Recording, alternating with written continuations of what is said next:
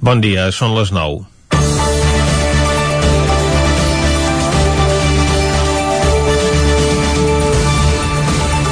L'esborrany del pla de desescalada que vol aprovar el govern de la Generalitat ha provocat mala maró a Protecció Civil, perquè se n'ha filtrat el contingut abans de la reunió que han de mantenir demà per aprovar les mesures que s'aplicaran a partir de dilluns vinent.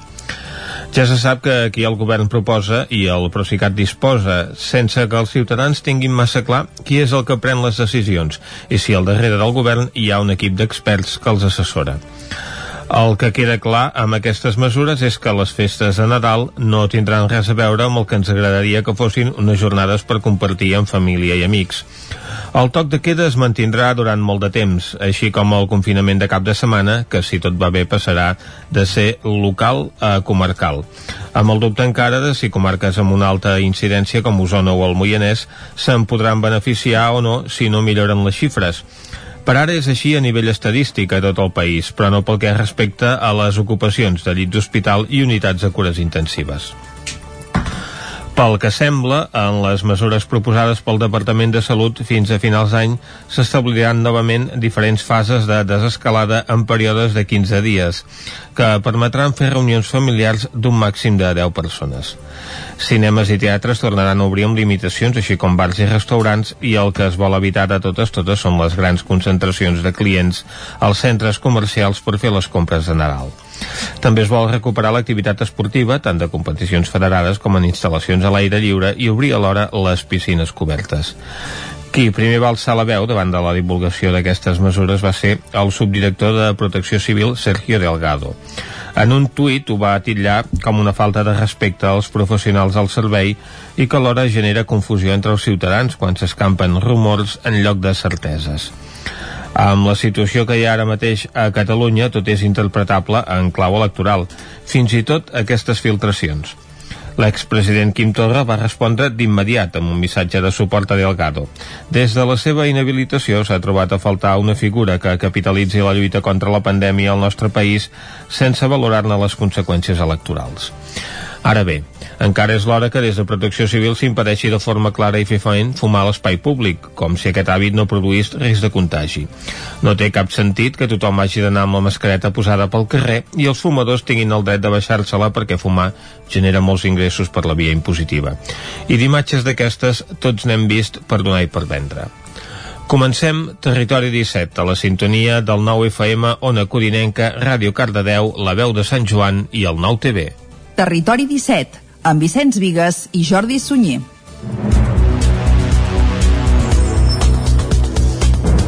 Són les 9 i 3 minuts del dimecres, dia 18 de novembre de 2020. Comença aquí un nou Territori 17 que avui, durant la primera hora, us acostarà tota l'actualitat de les nostres comarques, com ja va sent habitual. Després, a partir de les 10, tindrem les seccions habituals dels dimecres. Avui passarem pel Lletra Ferits, on parlarem de literatura, també anirem al Territori Sostenible i per acabar al punt de les 12 del migdia farem un repàs a l'agenda cultural per aquest cap de setmana, una agenda, evidentment, marcada pel confinament i és per això que el que farem també és parlar amb alguna sala de concerts per saber quina és la situació que s'hi viu ara mateix i també per conèixer algun detall de l'últim concert. Una proposta que diferents sales d'arreu de Catalunya impulsen aquests dies. Això serà a la part final d'un programa que arrenquem ara mateix, com sempre fent un repàs a l'actualitat de les nostres comarques, les comarques del Ripollès, Osona, el Moianès i el Vallès Oriental.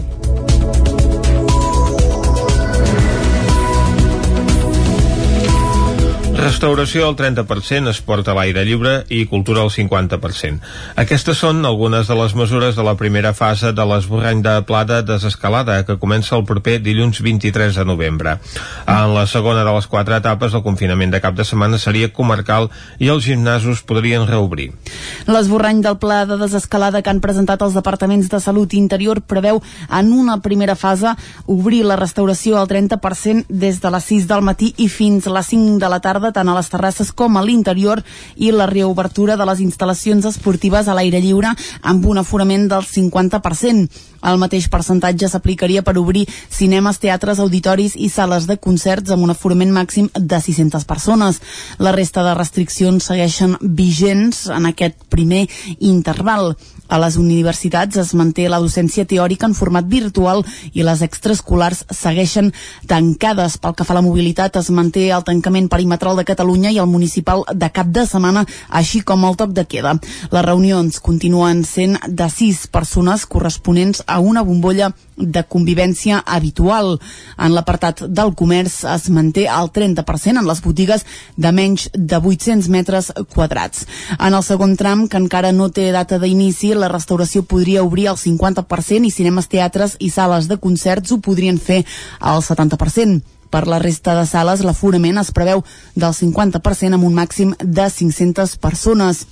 Els museus i sales d'exposició també seguirien a la meitat d'aforament. Un canvi important és el del confinament de cap de setmana que passaria a ser comarcal. Es mantindria, però, el tancament perimetral de Catalunya i el toc de queda en el comerç. Les botigues podrien obrir al 50%. Josep Ginesta de Sant Antoni de Vilamajor cessat del seu càrrec a la cúpula del Departament de Treball i Afers Socials. David Aludell, de Ràdio Televisió Cardedeu. El conseller de Treball, Afers Socials i Famílies, Shakir El Homrani, ha impulsat una renovació del seu departament per encarar el tram final de legislatura amb el cessament de dos pesos pesants del seu equip. En concret, abandonen les seves responsabilitats el seu fins ara número 2, el secretari general de la Conselleria, Josep Ginesta, que també s'encarregava de les competències en l'àmbit de treball, i el secretari d'Afers Socials i Famílies, Francesc Iglesias. Al lloc del Vilamajorí Josep Ginesta hi haurà el fins ara secretari d'Igualtat, Migrants i Ciutadania, Oriol Amorós, exercirà de secretari general del departament. Les responsabilitats de l'àrea de treball passaran a mans d'Enric Vinaixa, actual director general de Relacions Laborals, Treball Autònom, Seguretat i Salut Laboral. El polític de Vilamajor és membre d'Esquerra Republicana de Catalunya des del 1998. El relleu es va fer efectiu ahir dimarts i es va notificar en un comunicat de premsa a última hora del dilluns, amb l'objectiu, segons el govern de la Generalitat, de reforçar amb noves perspectives les dues àrees clau del departament pels propers mesos, que estaran centrats en les conseqüències de la crisi social i laboral sobre la ciutadania. La decisió arriba pocs dies després de l'allau de queixes pel col·lapse a la web per demanar els ajuts d'autònoms. El Consell del Ripollès aprova uns pressupostos de 10,9 milions d'euros pel 2021.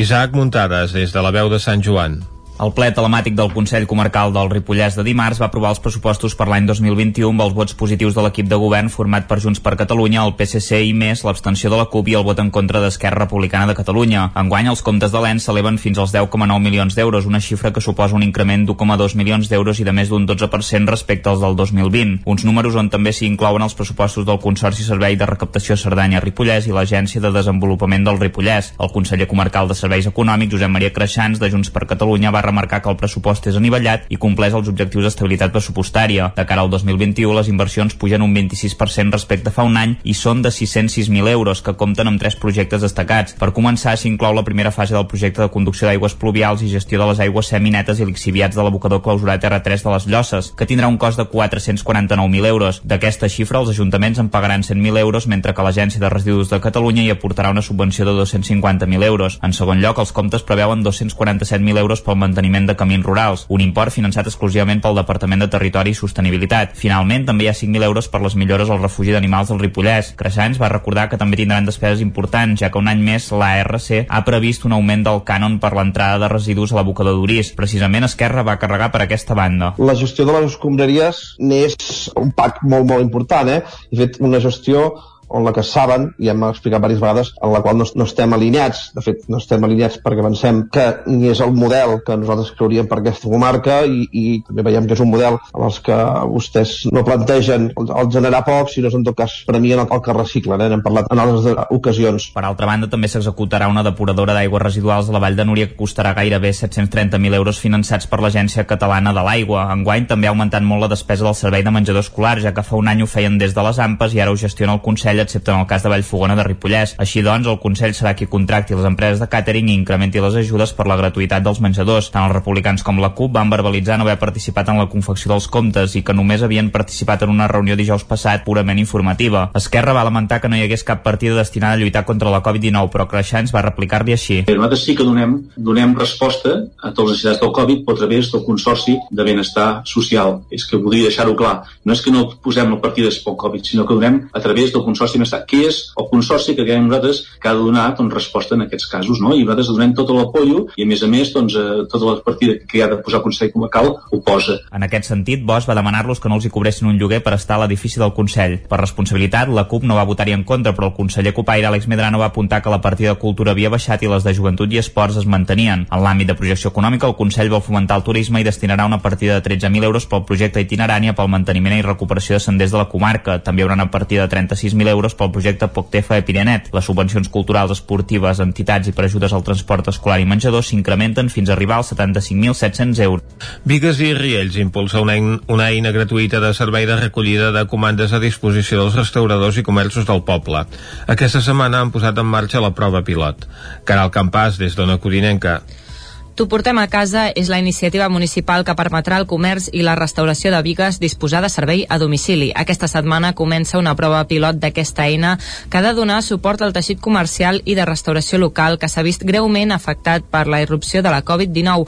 L'Ajuntament coordinarà la part logística de les diferents comandes a través d'una plataforma interna entre els comerços i el consistori. D'altra banda, els pagaments es vehicularan directament entre el comerç i el client. En aquest sentit, la iniciativa T'ho portem a casa no estableix una plataforma de pagament. El consistori ha establert unes franges horàries tant de matins com de tardes per tal de facilitar l'organització dels repartidors. A més, els dies 24, 25 i 31 de desembre es cobrirà un servei de 4 hores per donar sortida als àpats elaborats per bars i restaurants.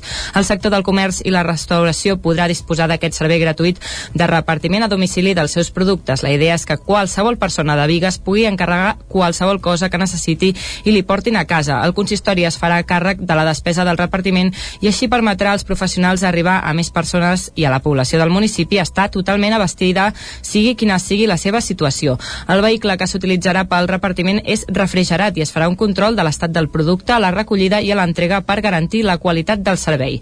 Aquesta iniciativa és fruit d'un acord amb la Comissió de Seguiment del Pressupost formada per tots els partits polítics del municipi per tal d'afrontar l'escenari derivat de la irrupció del coronavirus de manera conjunta. La matinada de dilluns a dimarts es va produir un robatori a la botiga de telefonia mòbil Orange situada entre el passeig Sant Joan i la carretera d'Olot, a Manlleu. El moment del robatori ha estat enregistrat en un vídeo que ha circulat a través de les xarxes des de primera hora del matí. A les imatges es pot veure com tres joves que tenen el rostre cobert amb la mascareta colpegen el vidre de la porta amb el peu fins a accedir al seu interior. Després en treuen aparells de telefonia malgrat el so de l'alarma. Des de l'Ajuntament informen que la policia local i els Mossos d'Esquadra tenen una investigació oberta i treballen conjuntament per identificar els individus que apareixen a les imatges.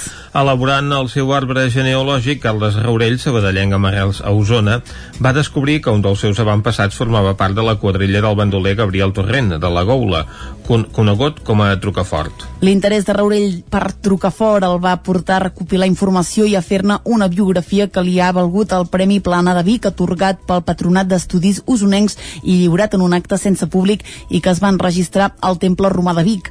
Amb menys referències que Serrallonga o Roca Guinarda, Trucafort, nascut a Sant Martí Sescorts i que va viure al Mas La Goula de Torelló, va destacar en el bàndol dels cadells en la història del bandolerisme català dels segles XVI i XVII. Carles Raurell voldria dedicar els 3.000 euros del premi a publicar la biografia de Trucafort. Fets novedosos i també doncs, descobertes, sobretot el 1612 que va, que va atacar els carros de la moneda que provenien de Madrid i de Saragossa, s'ha descobert els eh, mateixos persones que tenien els propietaris dels, dels diners, eh, els, els que conduïen els carros, i vaig trobar el procés d'aquest atac, cosa que tampoc la biografia en aquest, fins a aquell moment no, no, no, havia, no havia trobat. El Premi Plana de Vic Jove l'ha obtingut Marçal Joan de Callatenes pel seu treball de desenvolupament d'una aplicació sobre camins del municipi utilitzant programari lliure. I fins aquí el butlletí de notícies que us hem ofert amb les veus de Vicenç Vigues, Clàudia Dinarès, David Auladell, Caral Campàs i Isaac Muntades. I ara el que toca, com sempre, en aquesta hora a Territori 17, és fer un cop d'ull a la situació meteorològica.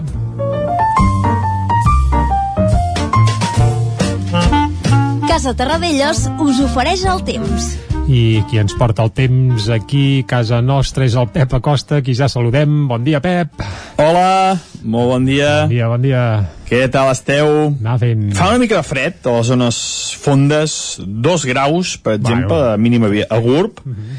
0 graus a Sant Pau de Segúries, 6 graus a Cales de Montbui, però a alta muntanya, 8 graus a Puig de Zolles, 5 graus a Núria, Uh, això és la inversió tèrmica.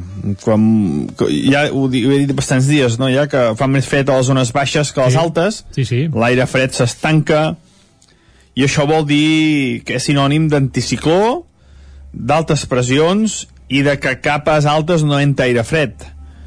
Per tant, tranquil·litat, sense pluja, sense neu, hi ha també imatges del Pirineu l'any passat i aquest, eh, que ha canviat molt, molt panorama, l'any passat ja hi havia força neu, ara més que una mica de neu a les parts més altes, molt poca cosa, i és que el panorama no canviarà gens, gens, gens els pròxims dies.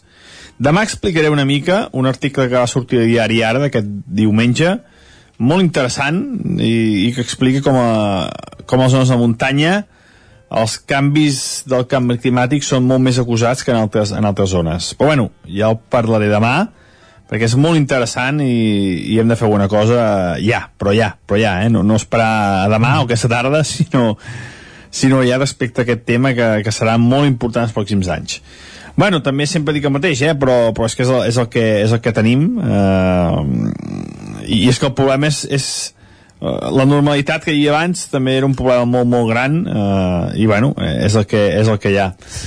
Però ens sentem el temps d'avui i és això, temps. eh, això, mm, el que deia, inversió tèrmica, molt tranquil·litat, molt poca neu, res a veure amb el que hi havia fa un any, mm, no sé, avui alguna boira, ara les fondalades, poca cosa, sempre dic precaució amb la boira, jo no, no condueixo, no estic acostumat a conduir amb boira, segur que molta gent sí, Sí. però precaució perquè és, és, per conducció és molt perillosa, per tant, eh, molt atents, molt atents a conducció amb boira, que hi ha espessos bancs de boira, a Moianès, a la zona de la plana del Vallès, també a la plana de, de Vic, a Osona, per tant, molta, molta precaució, perquè de vegades és una boira molt concentrada i, i bastants quilòmetres, per tant, molta, molta precaució, i és el que fa també que faci més fred eh, en aquestes zones fondalades, eh, la boira fa com un funció de, congela, de congelador, perdó, i, i això, i congela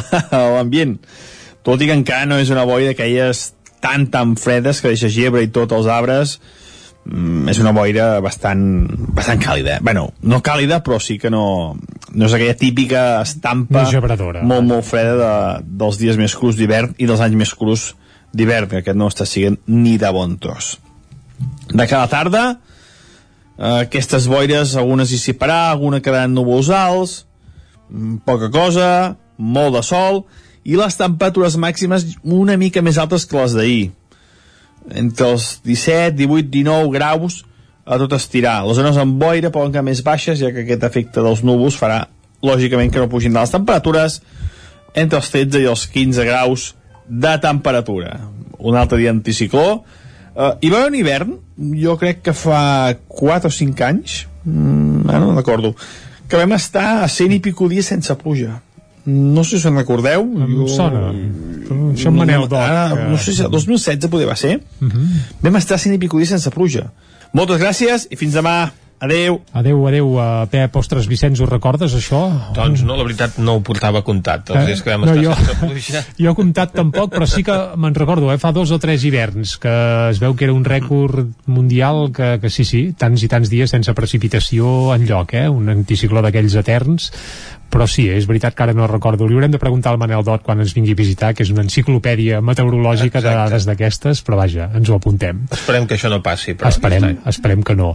Bé, uh, fa un parell de dies van caure ni que sigui quatre gotes, per tant, si hem de comptar 100 dies hauríem d'anar a parar ja l'any vinent, eh? Bé, no, deixem la meteorologia i ara el que ens toca és anar cap al quiosc. Casa Tarradellas us ha ofert aquest espai.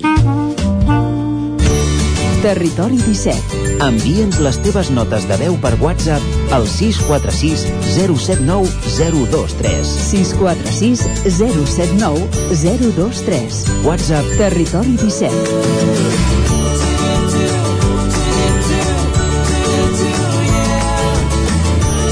Territori 17. Som a Facebook, Twitter i Instagram amb l'usuari Territori 17.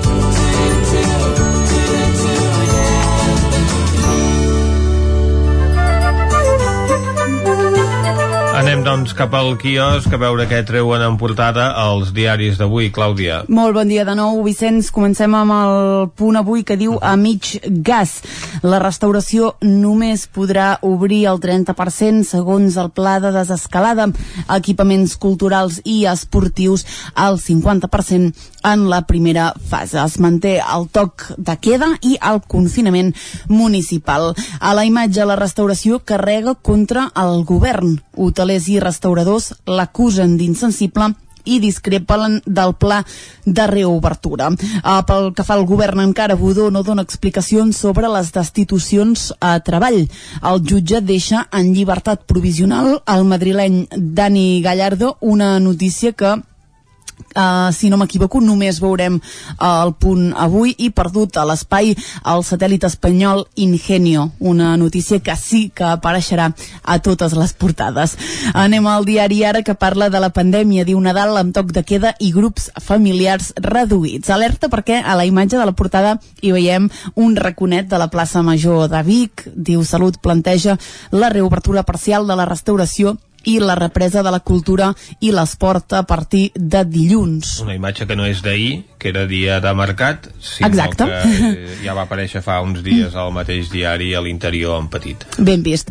En fi, continuem. Una desescalada diu lenta i per fases permetrà trobades de màxim 10 persones fins passat Reis. Uh, més notícies de, de l'ara diu pressió a Hongria per desbloquejar els ajuts. L'orgull aeroespacial espanyol s'extravia i el Sabadell afronta una absorció que serà dolorosa. El BBVA ja s'ha quedat 8 de les 11 entitats catalanes. Seguim amb, amb el que ahir eh, va ser la notícia del dia. Exacte. Anem al periòdico que diu el Procicat decidirà demà, per tant, avui sobre... Uh, per tant, no, no, demà sobre el projecte. Demà dijous. en fi... Um, si es posen d'acord, perquè com que estan mig barallats a saber com acaba aquesta potser és avui, reunió. potser és demà. Aviam si en aquesta reunió de protecció civil han d'acabar venint els d'emergències per atendre els participants. En fi, després d'aquesta petita broma, continuem amb el titular que diu Pla de desescalada. Uh, parla de la restauració que obrirà dilluns amb un aforament del 30% i del 50% des del dia 7. Els cinemes i el teatre tornaran al 50% la setmana que ve i al 70% 15 dies després. I el món de l'esport diu instal·lacions a l'aire lliure i piscines cobertes al 50% des del dilluns 23. També parla del Nadal, diu toc de queda nocturn i reunions de fins a 10 persones. A la imatge hi veiem les Canàries desbordades, l'arribada massiva de pateres col·lapsen els serveis i desencadena la tensió a les illes. El BBVA i Sabadell tancaran fins a 1.500 oficines després de la fusió i en esports la Roja escalfa Alemanya i arriba a la final de 4 eh, de la Lliga de Nacions. Anem avançant, anem a l'avantguàrdia que diu el govern preveu un Nadal amb toc de queda i poca mobilitat. A la imatge, el satèl·lit espanyol s'estavella. El coet que va llançar Ingenio es va perdre per un possible error humà. Als Estats Units, Trump filtreja amb atacar l'Iran i atia el temor sobre el final del mandat. Junts per Catalunya censura la gestió de l'Omrani i Esquerra en descarta el cessament i Catalunya té un terç de la plantilla del BBVA i el Sabadell. Anem a veure què treuen en portada els diaris de Madrid. Uh, comencem com sempre amb el país que diu Podem desafia el PSOE al segellar un nou pacte amb Bildu. La formació d'Iglesias presenta amb els Abertzales i Esquerra una esmena antidesnonaments als pressupostos per torça la mà, diu, als socialistes. A la imatge hi veiem a futbol, Espanya, diu Andosa, Alemanya, un 6 a 0 per la història. Madrid preveu testos massius d'antígens més ràpids però alerta menys fiables i Catalunya planteja el toc de queda a les 10 inclús la nit de cap d'any. El Mundo, eh, la consultora de Podemos, confessa el desviament de fons electorals. A la imatge, com veiem fa un moment, diu Arguineguín, zona zero del col·lapse migratori. Iglesias utilitza a Cintora per col·locar la seva agenda a televisió espanyola i els dos nous superbancs acapararan més de la meitat dels dipòsits de crèdits del país. Anem a la Razón, que obre amb esports, diu golejada històrica a Alemanya, Espanya derrota per 6 a 0 als alemanys i es classifica per la fase final de la Lliga de Nacions. Un altre titular diu varis ministres demanen retallar la despesa si no arriba al fons de la Unió Europea. Encara en la Unió Europea diu exigeix a Pedro Sánchez prohibir els homenatges a Atarres una gravació des diu la versió de Corina sobre la donació de l'emèrit, que aquest vindria a ser el, el, el col·laborat de l'any i la nova guerra entre Sanitat i Ayuso pels tests a les farmàcies. També un tema doncs, que anem arrossegant a les portades. Acabem, com sempre, amb l'ABC, que diu Esquerra i Bildu amaguen les seves exigències per treure pressió a Pedro Sánchez. Eviten detallar les peticions econòmiques en la negociació amb el govern. La portaveu del Partit Socialista avisa als crítics. Diu, som una nova generació a qui li toca dirigir el país i també al partit. A la part eh, inferior de, de la portada diu dins de la fàbrica xina amb les vacunes gairebé llestes. Els 3.000 treballadors de Sinovac i, i 27.000 voluntaris ja han provat la fórmula de la companyia que promet 100 milions de dosis abans d'acabar l'any. Bé, tenim la vacuna de Pfizer, la de Moderna, ara la de Sinovac, podrem eh, triar. Podrem triar. Exacte, a veure quina ens convé més. Avui ens has enganyat una mica, Clàudia. Una mica? Sí, perquè ens has dit que a totes les portades apareixia la notícia del coet espanyol estavellat ahir, però resulta que els diaris de Madrid se n'han descuidat de posar aquesta notícia Ai, a les curiós. seves portades. En canvi, prefereixen posar la de la golejada i de la selecció espanyola contra Alemanya per 6 a 0, que apareix a la Razón i al País. No us he I- enganyat amb el tema de Dani Gallardo, eh, però No. només apareix el punt avui, eh? Exacte. I també veiem imatges doncs d'aquest drama que s'està vivint a les Canàries, a les portades del Mundo i del periòdico. Hem fet un repàs a quins són els titulars de les portades d'avui, quines són les notícies que hi apareixen i quines les que no hi apareixen. Ara fem una pausa i tornem tot seguit. Territori 17 El nou FM, la ràdio de casa, al 92.8. Dilluns 23 de novembre, el 9FM celebra 10 anys de ràdio, fent un programa especial a benefici del Banc de Sang i Teixits. Per venir a donar sang a la seu del 9-9, de dos quarts de 5 de la tarda a les 8 del vespre, truqueu al 677 071 756 o apunteu-vos a donarsang.gencat.cat 677 071 756. Dilluns 23 de novembre, programa especial de 10 anys del 9FM, a partir de dos quarts de 5 de la tarda. El 9FM, 10 anys, compartint ràdio. Les bones decisions tenen premi. I és que si té una caldera Vaillant, està d'enhorabona. Vaillant li ofereix fins a 15 anys de cobertura total, amb la revisió obligatòria inclosa. Informis a Oficiat Nord trucant al 93 886 0040. Amb el servei tècnic oficial de Vaillant, la seva caldera estarà en les millors mans. Cocodril Club. Si t'agrada la bona música dels anys 60, 70 i 80, escolta el 9 FM als matins de dissabtes i diumenges d'11 a 1. És el temps del Cocodril Club, tot un clàssic de la ràdio, amb les bases del pop-rock, les llegendes, les cançons que s'han convertit en autèntics himnes. Recorda, dissabtes i diumenges al matí, d'11 a 1, al 9 FM 92.8. Cocodril Club, el programa revival de l'Albert Malla. Hasta luego, cocodrilo. Anuncia't al 9FM. La màquina de casa. 9 3 8 8 9 4 9 4 9. Publicitat arroba al 9FM.cat. Anuncia't al 9FM. La publicitat més eficaç. Tens joies o rellotges que vols rendibilitzar? Demana una valoració gratuïta a Comprem Or, especialistes en la compra de joies, diamants i rellotges. T'ofereixen transparència, discreció i la màxima taxació. Troba la teva botiga a compremor.com o truca al 938 101 342. Recorda, són els originals, els de la moneda. Comprem or. Rambla de Vallada 7, Vic. Hi ha una màgia que no té truc. És la màgia de compartir una estona amb algú i parlar-hi. Vols practicar català? Vols ajudar algú a parlar-lo?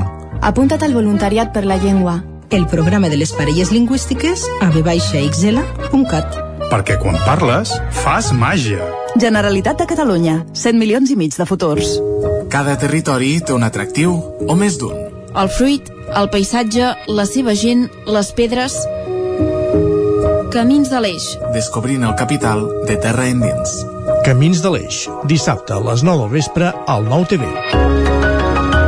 Aquesta setmana, Montrebei, amb el suport de la Generalitat de Catalunya. 7 milions i mig de futurs. El 9 FM. El 9 FM. El 9 FM. Territori 17, amb Vicenç Vigues i Jordi Sunyer.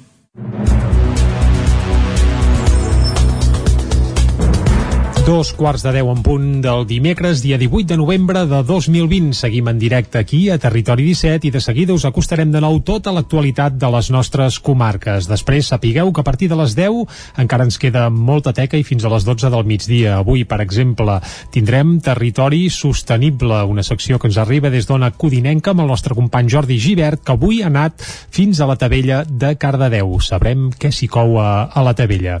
Més coses encara. Avui també parlarem de literatura Cultura, Lletra Ferits. La Maria López, de Ràdio Cardedeu, ha parlat, ha conversat amb l'editora Maria Sampere. Això ho descobrirem també a partir de la segona hora de Territori 17. I acabarem, com fem sempre els dimecres, fent un repàs a l'agenda cultural per aquest cap de setmana, una agenda marcada de nou pel confinament, perquè aquest cap de setmana recordem que encara hi haurà confinament perimetral, per tant, en teoria no podem sortir del nostre municipi, si no és a peu per anar al municipi veí, i el que farem és parlar amb el responsable d'una sala de concerts, concretament de la, amb el Xevi Huguet de la Cabra de Vic, perquè ens expliqui també quina és la situació que viu ara mateix el sector, eh, també la seva sala, i també una iniciativa que es titula L'últim concert, que han impulsat un seguit de sales d'arreu del Principat. La Cabra també s'hi ha adherit i ens explicaran en què consisteix aquesta iniciativa. Tot això ho farem des d'ara i fins al punt de les 12 i evidentment el que toca ara com fem sempre és acostar-vos de nou l'actualitat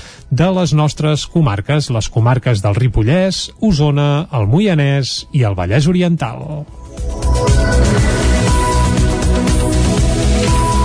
Restauració al 30%, esport a l'aire lliure i cultura al 50%. Aquestes són algunes de les mesures de la primera fase de l'esborrany de plata desescalada que comença el proper dilluns 23 de novembre. En la segona de les quatre etapes, el confinament de cap de setmana seria comarcal i els gimnasos podrien reobrir. L'esborrany del pla de desescalada que han presentat els departaments de Salut i Interior preveu en una primera fase obrir la restauració al 30% des de les 6 del matí i fins a les 5 de la tarda tant a les terrasses com a l'interior i la reobertura de les instal·lacions esportives a l'aire lliure amb un aforament del 50%. El mateix percentatge s'aplicaria per obrir cinemes, teatres, auditoris i sales de concerts amb un aforament màxim de 600 persones. La resta de restriccions segueixen vigents en aquest primer interval. A les universitats es manté la docència teòrica en format virtual i les extraescolars segueixen tancades. Pel que fa a la mobilitat, es manté el tancament perimetral de Catalunya i el municipal de cap de setmana, així com el toc de queda. Les reunions continuen sent de sis persones corresponents a una bombolla de convivència habitual. En l'apartat del comerç es manté el 30% en les botigues de menys de 800 metres quadrats. En el segon tram, que encara no té data d'inici, la restauració podria obrir el 50% i cinemes, teatres i sales de concerts ho podrien fer al 70%. Per la resta de sales, l'aforament es preveu del 50% amb un màxim de 500 persones. Els museus i sales d'exposició també seguirien a la meitat d'aforament. Un canvi important és el del confinament de cap de setmana que passaria a ser comarcal. Es mantindria, però, el tancament perimetral de Catalunya i el toc de queda en el comerç. Les botigues podrien obrir al 50%. Josep Ginesta de Sant Antoni de Vilamajor cessat del seu càrrec a la cúpula del Departament de Treball i Afers Socials. David Alodell, de Ràdio Televisió Cardedeu. El conseller de Treball, Afers Socials i Famílies, Shakir El Homrani, ha impulsat una renovació del seu departament per encarar el tram final de legislatura amb el cessament de dos pesos pesants del seu equip. En concret, abandonen les seves responsabilitats el seu fins ara número 2, el secretari general de la Conselleria, Josep Ginesta, que també s'encarregava de les competències en l'àmbit de treball, i el secretari d'Afers Socials i Famílies, Francesc Iglesias. Al lloc del Vilamajorí, Josep Ginesta, hi haurà el fins ara secretari d'Igualtat, Migrants i Ciutadania, Oriol Amorós. Exercirà de secretari general del departament. Les responsabilitats de l'àrea de treball passaran a mans d'Enric Vinaixa, actual director general de Relacions Laborals, Treball Autònom, Seguretat i Salut Laboral. El polític de Vilamajor és membre d'Esquerra Republicana de Catalunya des del 1998. El relleu es va fer efectiu ahir dimarts i es va notificar en un comunicat de premsa a última hora del dilluns, amb l'objectiu, segons el govern de la Generalitat, de reforçar amb noves perspectives les dues àrees clau del departament pels propers mesos, que estaran centrats en les conseqüències de la crisi social i laboral sobre la ciutadania. La decisió arriba pocs dies després de l'allau de queixes pel col·lapse a la web per demanar els ajuts d'autònoms. El Consell del Ripollès aprova uns pressupostos de 10,9 milions d'euros pel 2021. Isaac Muntades, des de la veu de Sant Joan. El ple telemàtic del Consell Comarcal del Ripollès de dimarts va aprovar els pressupostos per l'any 2021 amb els vots positius de l'equip de govern format per Junts per Catalunya, el PSC i més l'abstenció de la CUP i el vot en contra d'Esquerra Republicana de Catalunya. Enguany, els comptes de l'ENS s'eleven fins als 10,9 milions d'euros, una xifra que suposa un increment d'1,2 milions d'euros i de més d'un 12% respecte als del 2020. Uns números on també s'hi inclouen els pressupostos del Consorci Servei de Recaptació Cerdanya-Ripollès i l'Agència de Desenvolupament del Ripollès. El conseller comarcal de Serveis Econòmics, Josep Maria Creixans, de Junts per Catalunya, va remarcar que el pressupost és anivellat i compleix els objectius d'estabilitat pressupostària. De cara al 2021, les inversions pugen un 26% respecte a fa un any i són de 606.000 euros, que compten amb tres projectes destacats. Per començar, s'inclou la primera fase del projecte de conducció d'aigües pluvials i gestió de les aigües seminetes i lixiviats de l'abocador clausurat R3 de les Llosses, que tindrà un cost de 449.000 euros. D'aquesta xifra, els ajuntaments en pagaran 100.000 euros, mentre que l'Agència de Residus de Catalunya hi aportarà una subvenció de 250.000 euros. En segon lloc, els comptes preveuen 247.000 euros pel manteniment de camins rurals, un import finançat exclusivament pel Departament de Territori i Sostenibilitat. Finalment, també hi ha 5.000 euros per les millores al refugi d'animals del Ripollès. Creixants va recordar que també tindran despeses importants, ja que un any més l'ARC ha previst un augment del cànon per l'entrada de residus a l'abocador d'Uris. Precisament Esquerra va carregar per aquesta banda. La gestió de les escombraries n'és un pack molt, molt important, eh?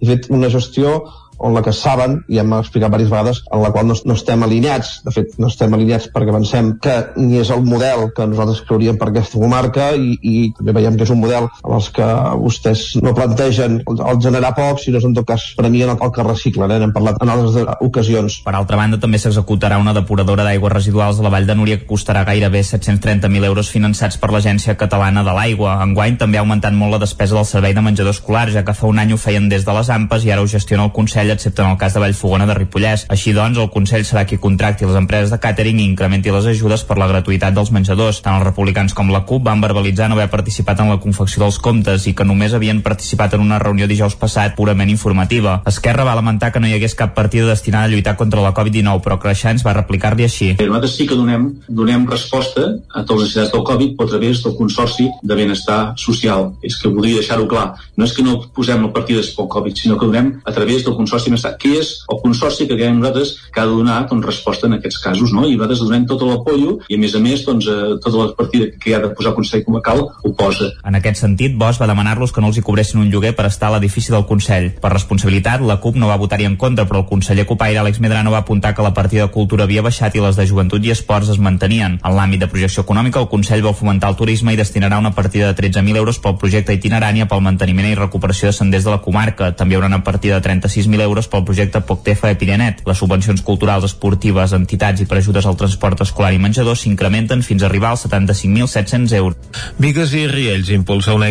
una eina gratuïta de servei de recollida de comandes a disposició dels restauradors i comerços del poble. Aquesta setmana han posat en marxa la prova pilot. Caral Campàs, des d'Ona Codinenca. T'ho portem a casa és la iniciativa municipal que permetrà al comerç i la restauració de Vigues disposar de servei a domicili. Aquesta setmana comença una prova pilot d'aquesta eina que ha de donar suport al teixit comercial i de restauració local que s'ha vist greument afectat per la irrupció de la Covid-19. L'Ajuntament coordinarà la part logística de les diferents comandes a través d'una plataforma interna entre els comerços i el consistori. D'altra banda, els pagaments es vehicularan directament entre el comerç i el client. En aquest sentit, la iniciativa T'ho portem a casa no estableix estableix una plataforma de pagament.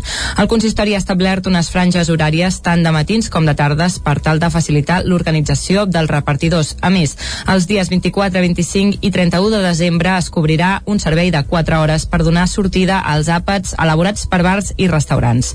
El sector del comerç i la restauració podrà disposar d'aquest servei gratuït de repartiment a domicili dels seus productes. La idea és que qualsevol persona de Vigues pugui encarregar qualsevol cosa que necessiti i li portin a casa. El consistori es farà farà càrrec de la despesa del repartiment i així permetrà als professionals arribar a més persones i a la població del municipi està totalment abastida, sigui quina sigui la seva situació. El vehicle que s'utilitzarà pel repartiment és refrigerat i es farà un control de l'estat del producte, la recollida i l'entrega per garantir la qualitat del servei. Aquesta iniciativa és fruit d'un acord amb la Comissió de Seguiment del Pressupost formada per tots els partits polítics del municipi per tal d'afrontar l'escenari derivat de la irrupció del coronavirus de manera conjunta. La matinada de dilluns a dimarts es va produir un robatori a la botiga de telefonia mòbil Orange situada entre el passeig Sant Joan i la carretera d'Olot, a Manlleu. El moment del robatori ha estat enregistrat en un vídeo que ha circulat a través de les xarxes des de primera hora del matí. A les imatges es pot veure com tres joves que tenen el rostre cobert amb la mascareta colpegen el vidre de la porta amb el peu fins a accedir al seu interior. Després en treuen aparells de telefonia malgrat el so de l'alarma. Des de l'Ajuntament informen que la policia local i els Mossos d'Esquadra tenen una investigació oberta i treballen conjuntament per identificar els individus que apareixen a les imatges. Elaborant el seu arbre genealògic, Carles Raurell, sabadellenc amb arrels a Osona, va descobrir que un dels seus avantpassats formava part de la quadrilla del bandoler Gabriel Torrent, de la Goula, con conegut com a Trucafort. L'interès de Raurell per Trucafort el va portar a recopilar informació i a fer-ne una biografia que li ha valgut el Premi Plana de Vic, atorgat pel Patronat d'Estudis Usonencs i lliurat en un acte sense públic i que es van registrar al Temple Romà de Vic. Amb menys referències que Serrallonga o Roca Guinarda, Trucafort, nascut a Sant Martí Sescorts i que va viure al Mas La Goula de Torelló, va destacar en el bàndol dels cadells en la història del bandolerisme català dels segles XVI i XVII. Carles Raurell voldria dedicar els 3.000 euros del premi a publicar la biografia de Trucafort. Fets novedosos i també doncs, descobertes, sobretot el 1612 que va, que va atacar els carros de la moneda que provenien de Madrid i de Saragossa, s'ha descobert els eh, mateixos persones que tenien els propietaris dels, dels diners, eh, els, els que conduïen els carros i vaig trobar el procés d'aquest atac, cosa que tampoc la biografia en aquell, fins aquell moment no, no, no, havia, no havia trobat. El Premi Plana de Vic Jove l'ha obtingut Marçal Joan de Callatenes pel seu treball de desenvolupament d'una aplicació sobre camins del municipi utilitzant programari lliure. I fins aquí el butlletí de notícies que us hem ofert amb les veus de Vicenç Vigues, Clàudia Dinarès, David Auladell, Caral Campàs i Isaac Muntades. I ara el que toca, com sempre, en aquesta hora a Territori 17, és fer un cop d'ull a la situació meteorològica.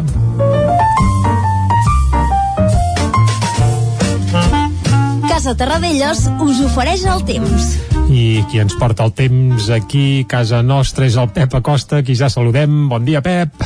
Hola, molt bon dia. Bon dia, bon dia.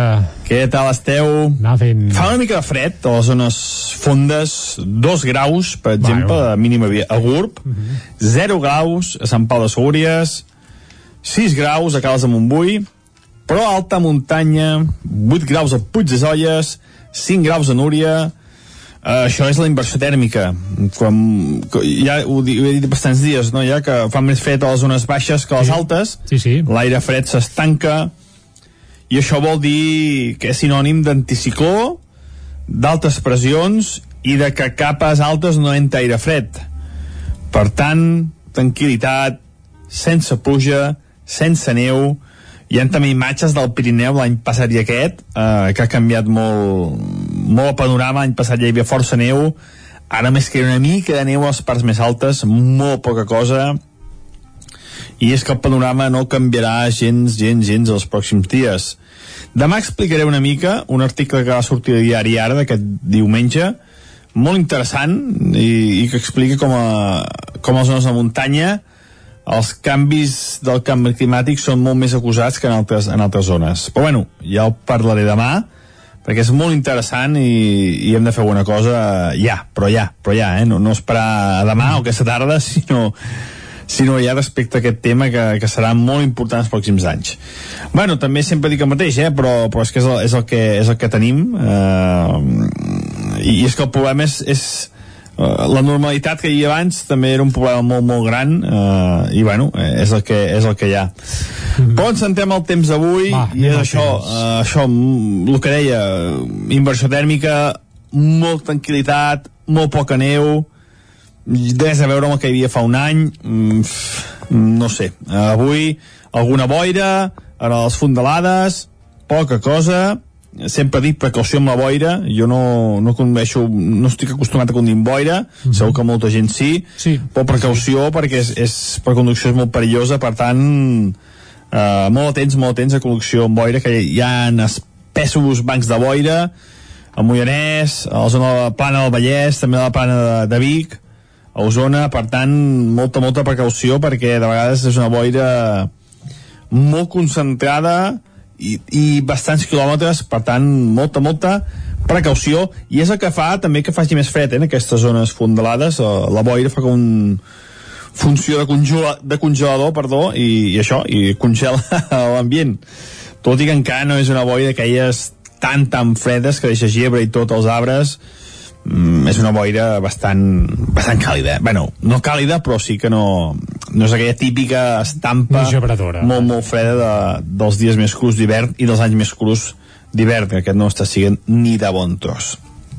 De cada tarda, eh, aquestes boires, algunes hi dissiparà, alguna quedaran núvols alts, mm, poca cosa, molt de sol, i les temperatures màximes una mica més altes que les d'ahir entre els 17, 18, 19 graus a tot estirar. Les zones amb boira poden quedar més baixes, ja que aquest efecte dels núvols farà, lògicament, que no pugin de les temperatures entre els 13 i els 15 graus de temperatura. Un altre dia anticicló. Uh, hi va haver un hivern, jo crec que fa 4 o 5 anys, mm, ah, no recordo, que vam estar a 100 i pico dies sense pluja no sé si us en recordeu. Em jo... sona. Això en Manel Doc ara, no sé si el 2016 poder va ser. Uh Mhm. -huh. vam estar 100 i pico dies sense pluja. Moltes gràcies i fins demà Adeu. Adeu, adeu, uh, Pep. Ostres, Vicenç, ho recordes, això?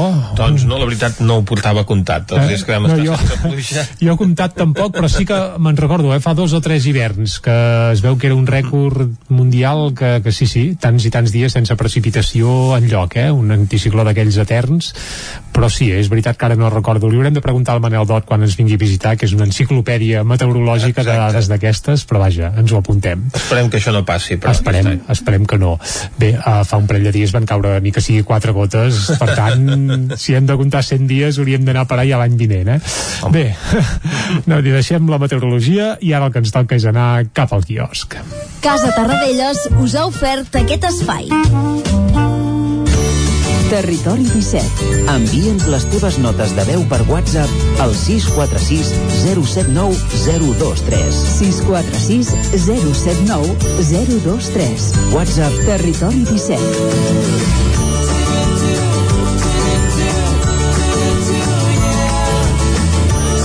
Territori 17. Som a Facebook, Twitter i Instagram amb l'usuari Territori 17.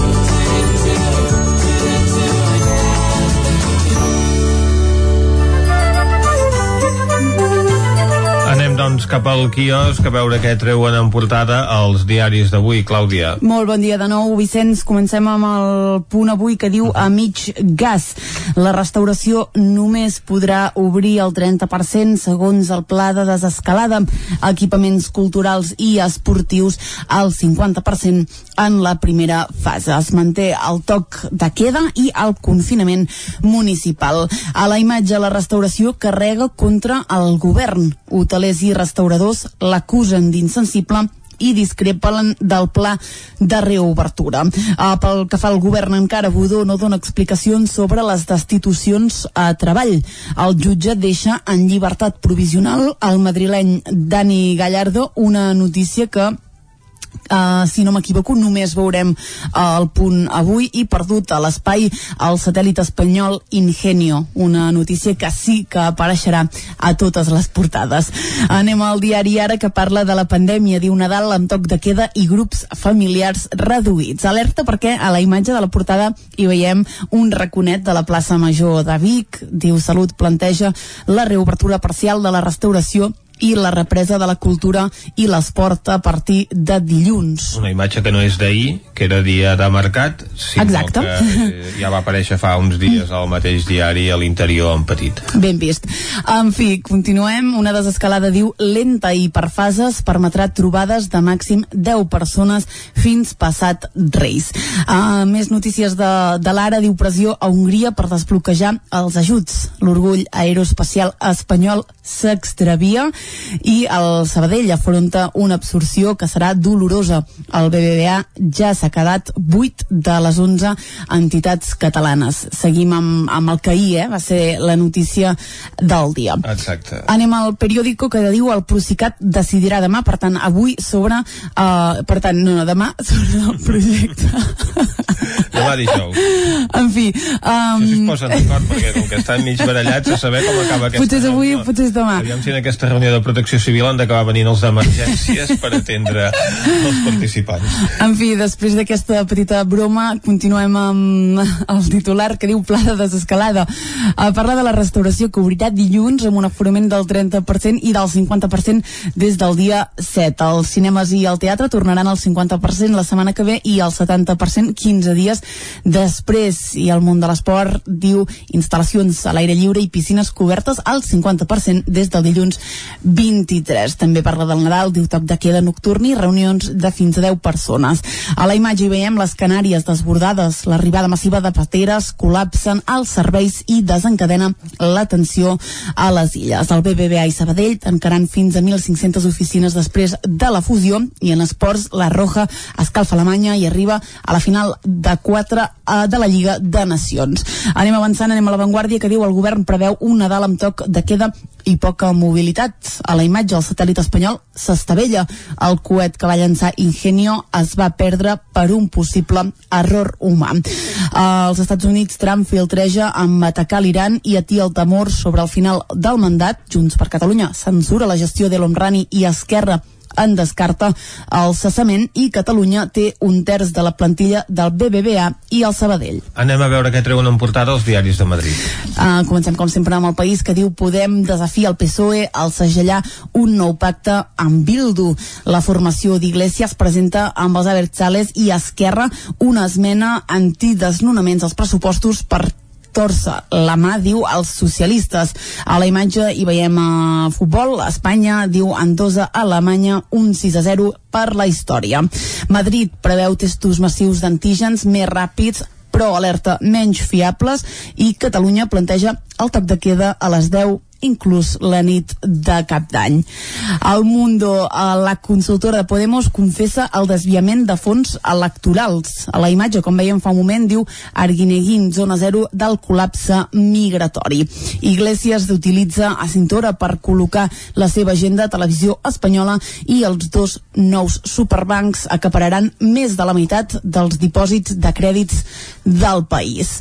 Anem a la Razón, que obre amb esports, diu golejada històrica a Alemanya Espanya. Espanya derrota per 6 a 0 als alemanys i es classifica per la fase final de la Lliga de Nacions. Un altre titular diu varis ministres demanen retallar la despesa si no arriba al fons de la Unió Europea. Encara en la Unió Europea diu exigeix a Pedro Sánchez prohibir els homenatges a Atarres una gravació es diu la versió de Corina sobre la donació de l'emèrit, que aquest vindria a ser el, el, el col·laborat de l'any i la nova guerra entre Sanitat i Ayuso pels tests a les farmàcies. També un tema doncs, que anem arrossegant a les portades.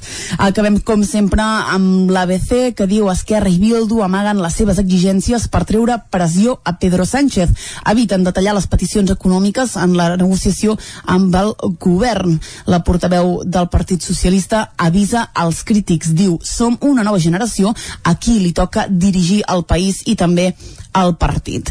A la part eh, inferior de, de la portada diu dins de la fàbrica xina amb les vacunes gairebé llestes. Els 3.000 treballadors de Sinovac i, i 27.000 voluntaris ja han provat la fórmula de la companyia que promet 100 milions de dosis abans d'acabar l'any. Bé, tenim la vacuna de Pfizer, la de Moderna, ara la de Sinovac, podrem eh, triar. Podrem triar. Exacte, a veure quina ens convé més. Avui ens has enganyat una mica, Clàudia. Una mica? Sí, perquè ens has dit que a totes les portades apareixia la notícia del coet espanyol estavellat ahir, però resulta que els diaris de Madrid se n'han descuidat de posar aquesta notícia que a les curiós. seves portades.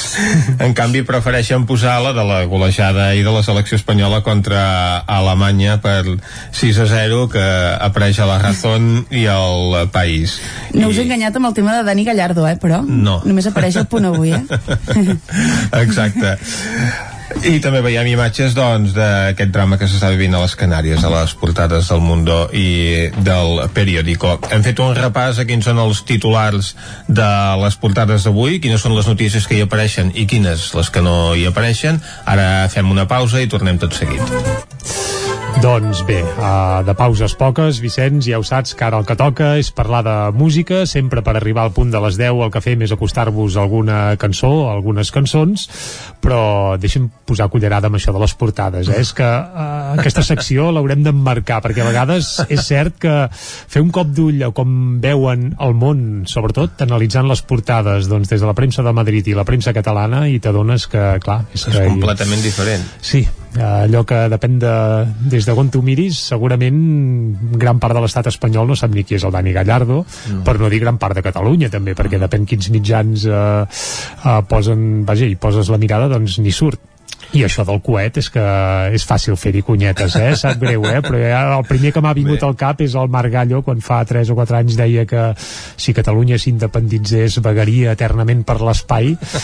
doncs bé, no sé qui vaga eternament per No fa l'espai. falta, no fa falta però- independitzar-se, no? Perquè vaguin literalment per l'espai. Uh, bé. Mm, Bé, de eh, fet, ni això, perquè no van arribar ni a, ni a l'espai, no? Al cap de, al Clar. cap de pocs minuts ja el coet es va desviar la seva trajectòria i va anar a parar, que no han concretat on, on van anar clar, a parar. això és el que volia dir, on va anar a parar Vicenç, això, Això perquè, no ho han clar, concretat. Mm, eh, va caure, no sé, a l'oceà, a algun lloc perdut, eh, es va desintegrar o... Això hauríem d'analitzar, això, eh? Sí, doncs eh, això s'hau- s'hauria de saber, sí, sí, aquí s'hauria d'obrir una investigació però no volgut concretar en quin punt. Bé, si l'ha d'investigar el Congrés espanyol, em sembla que, que, vaja, que la tombaran i no s'investigarà res. Bé, També s'ha de dir que el coet era francès, el coet que llançava el satèl·lit espanyol. Bé, el coet sí, però el satèl·lit era 100% espanyol, eh? Sí, Sí, sí. que era el primer satèl·lit 100% espanyol que va costar uns 200 milions d'euros, que ja t'has dit, i goita tu, amb Però poca això no és res en comparació amb els mil milions del submarí aquest que no flota, de, del moll doncs, que llavors no hi cap perquè no han previst que allà on ha d'atracar doncs, tingui les mesures eh, necessàries perquè hi puguin, hi puguin establir doncs, o vaixells d'una determinada mida o en aquest cas submarins que no floten. Ai, la llista de desgavells és, és terrible i és eterna. Bé, per tant, la tancarem. Anem al tema musical, que és on volíem anar, i avui volem estrenar una peça. A vegades fem estrenes d'aquelles mundials, doncs avui també ho farem. Bé, la peça no és nova, la peça és Valés Cremant, la que escoltarem, és una peça del Guillem Remisa, inclosa en el seu darrer disc. Uh, ens enfilarem en l'aire, però la gravació que sentirem ara, que estrenarem ara, sí que és nova. Per què? Doncs perquè el Guillem Remisa d'aquesta cançó en va gravar una versió nova, concretament la va anar a gravar a Sabadell el 25 d'octubre, és a dir, fa 4 dies. I per què va anar a Sabadell a gravar aquesta versió? Doncs perquè ara el Guillem Remisa aquí no canta sol, sinó que ho fa acompanyat de la Lu Roà. És una cantautora sabadellenca amb una veu fantàstica que el Guillem va descobrir precisament en un concert a Roda de Terra, on fan un festival de cançó d'autor fantàstic. Se'n va enamorar i li va proposar, ostres, hem de fer alguna junts perquè m'agrada molt com ho fas. I la Lu va dir, ostres, el que fas tu també. doncs quedem un dia, pim-pam-pum. Doncs el Guillem va agafar els trastos, se'n va anar cap a casa la Lu Roà i van gravar al terrat de casa seva a Sabadell eh, aquesta cançó, aquesta adaptació de Valés Cremant en una versió que estrenem avui a dues veus entre el Guillem Remisa i la Lu Roà. I si et sembla l'escoltem fins Oh, i a arribar al punt de les 10. Escoltem-los. Doncs vinga, i després seguim aquí a Territori 17.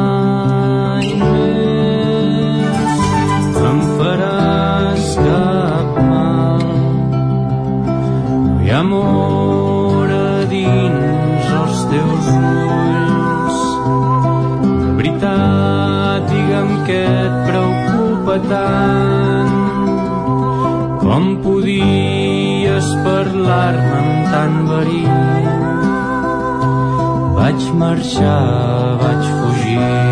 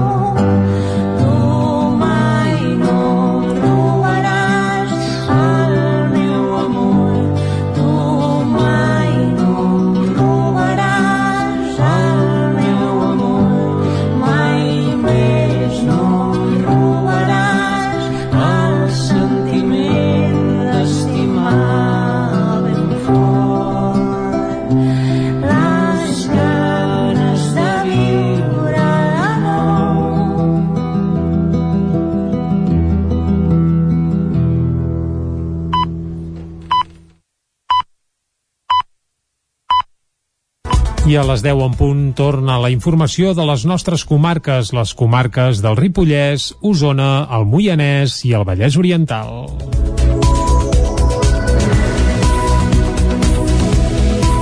Mossos i bombers ferits en la segona explosió del Canà enceten la segona setmana del judici del 17A. Isaac Muntades, des de la veu de Sant Joan.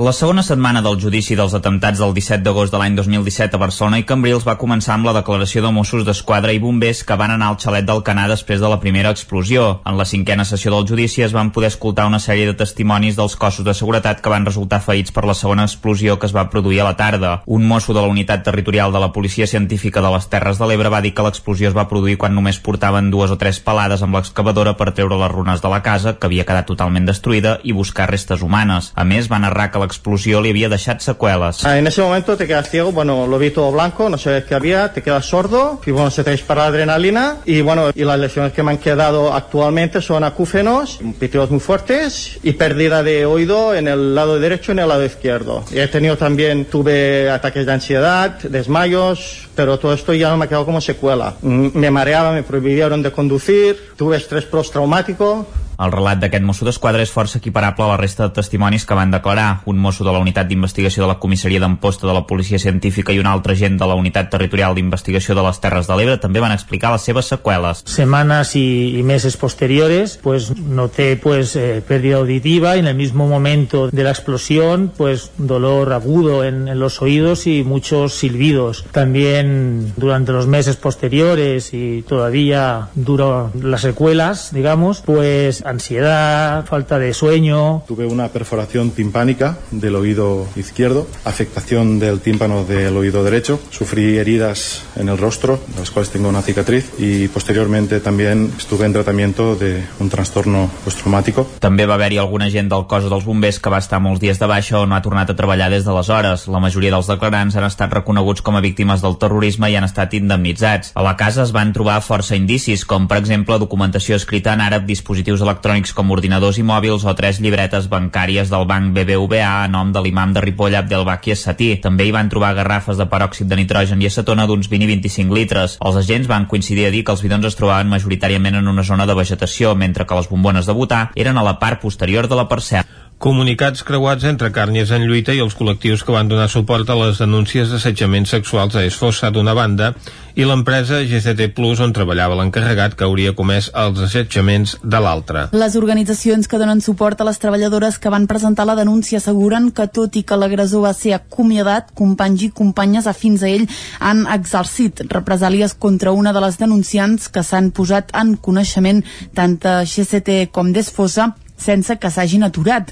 Demanen protecció per la treballadora i anuncien accions laborals o penals si no hi ha solucions. Des de CGT Plus, en canvi, diuen que no havien rebut cap comunicació en relació a les presumptes represàlies i que ho han sabut a través del comunicat. Recorden que l'encarregat denunciat va ser acomiadat i afirmen que no toleraran cap actitud vexatòria als treballadors i que analitzaran la situació abans de prendre cap tipus de mesura. Es compleix una dècada del naixement de l'Associació l'associació té Asperger d'Osona, que ara té 110 socis. Des de l'entitat treballen per millorar la qualitat de vida d'aquestes persones i la de les seves famílies, les quals asseguren que els qui pateixen la síndrome viuen en un món que no entenen i que tampoc els entén a ells. A Carles Torres li van diagnosticar la síndrome quan tenia entre 11 i 12 anys. Assegura que amb el pas del temps i gràcies a l'associació ha entès què li passava. He passat problemes, situacions difícils a casa, a l'escola, a l'institut, a tot qualsevol lloc que he estat, però això m'ha fet comprendre més, més que la vida és més difícil i que tu t'has d'enfrontar a aquesta vida amb les situacions que tens. Que si ets una espècie, doncs, veus, les, veus les coses més diferents Les persones que tenen la síndrome d'Asperger destaquen per la seva fixació per determinades aficions i activitats. A l'Anna Cadi li encanta escriure i a David Gorgs, que té 45 anys, li van diagnosticar la síndrome fa 6. És un apassionat de l'astrologia, el cinema medieval i els puzzles. M'agrada escriure llibres que m'invento, em venen a la, a la cara de cop i volta. I després vaig al, agafo una llibreta, la que em va regalar la meva mare, que és la que faig servir ara, i, i escric tal, tal títol. Després passo la pàgina següent, penso, un, penso una mica què he d'escriure perquè s'ambienti més en una història que no hagi passat de veritat. d'anar al cine de, de veure pel·lícules de, del que a mi també m'interessa que és um, medieval tipus del, el senyor dels anells per exemple o també fer algun públic que, que, que, que també m'agrada molt Als qui tenen la síndrome se'ls detecta una manca de recursos per fer un contacte social òptim i de l'ús de conductes no verbals com les mirades i el llenguatge corporal. També presenten certa dificultat per identificar senyals socials establerts. Caldes de Montbui convida la ciutadania a participar en diferents activitats la setmana entrant amb motiu del Dia Internacional per l'Erradicació de les Violències envers les dones. Caral Campàs, des d'Ona Codinenca. La campanya Volem Caldes lliure de violència es vol posar en evidència que la violència masclista que reben les dones té múltiples formes que van més enllà de la violència física. Aquestes violències que, segons el consistori, s'han vist agreujades i intensificades a causa de la Covid-19 esdevenen en diferents àmbits i no només en el privat o en les relacions de parella. Tot plegat, l'Ajuntament Calderia anima a tothom a participar del programa d'actes del 25N amb diverses propostes. Els actes es volen vehicular sobretot a través del Centre de Joves que hi ha al municipi, l'Espai Jove al Toc, per enfocar-ho sobretot en la prevenció. Laia Cuscó, regidora de Joventut, destaca algunes de les activitats. El... Després tenim el, el taller a càrrec de Carla Fernández que es diu eh, Descobreix-te i connecta, on es treballarà la sexualitat i el cicle menstrual femení, per tal de desmitificar i treure de la circulació aquests comentaris que ridiculitzen els canvis hormonals femenins i perquè la dona, perquè la jove visqui el cicle menstrual en positiu. També a la sexualitat es tracti d'una manera més propera, més afable, perquè es faci una sexualitat molt responsable i lliure. Totes aquestes activitats estan preparades per conscienciar, acompanyar i empoderar a les joves perquè volem un Caldes lliure de violència. La programació del 25N es tancarà amb l'acte reivindicatiu que es realitzarà el dissabte 28 de novembre a través del Facebook Live de l'Ajuntament. Un acte en el que participaran entitats, col·lectius i persones a títol individual que es vulguin afegir a l'acte. L'objectiu és unir les diferents veus, missatges, compromisos i expressions artístiques en un acte obert i dinàmic. D'altra banda, també la setmana del 25N la façana de l'Ajuntament s'il·luminarà de color lila i lluirà una pancarta reivindicativa. Nova concentració del món de la cultura a Cardedeu com a mostra de rebuig per les mesures preses pel govern de la Generalitat amb la suspensió de l'activitat cultural a Catalunya. David Oladell, de Ràdio Televisió Cardedeu. Representants de diferents sectors del món cultural van encapçalar una marxa silenciosa que va començar al Teatre Auditori de Cardedeu i va finalitzar a la plaça de Sant Corneli. L'escenògraf Josep Castells, l'actor Oriol Genís i la cantant de Marí Gelabert són algunes de les cares visibles que van carregar amb una clau de més de 30 metres de longitud, reclamant que s'obrís novament la cultura. Més d'un centenar de persones vestides de negre i en rigorós silenci van seguir la marxa fins al centre del municipi. Allà, un total de vuit representants de diferents professions lligades al món de la cultura van llegir el manifest sol·licitant l'obertura immediata de teatres i sales, a més d'una millora substancial en les ajudes destinades a la crisi del sector per la Covid-19. Esports. La torellonenca Clàudia Galícia, guanyadora de la Titan Desert, va ser entrevistada dilluns al programa Temps Afegit del Nou TV.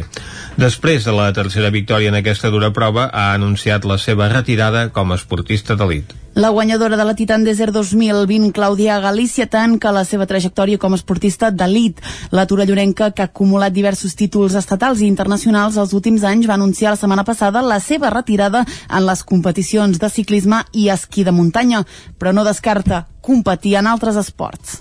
Tema esquí de muntanya i ciclisme, en principi no en tinc gens de ganes de, de competir perquè encara que sigui a nivell popular pues, em tornarà a demanar o sempre tindré aquesta pressió de fer-ho bé i més tindré les rivals amb les que sempre he competit no? llavors jo sóc molt competitiva però en altres esports sí, no ho descarto perquè són esports als quals jo no he practicat no tinc cap pressió, l'únic que vull és passar-m'ho bé i sí que relacionaré la competició amb els altres esports amb disfrutar Galícia ha estat un referent per moltes noies que es volien iniciar el ciclisme de muntanya, un esport practicat majoritàriament per homes.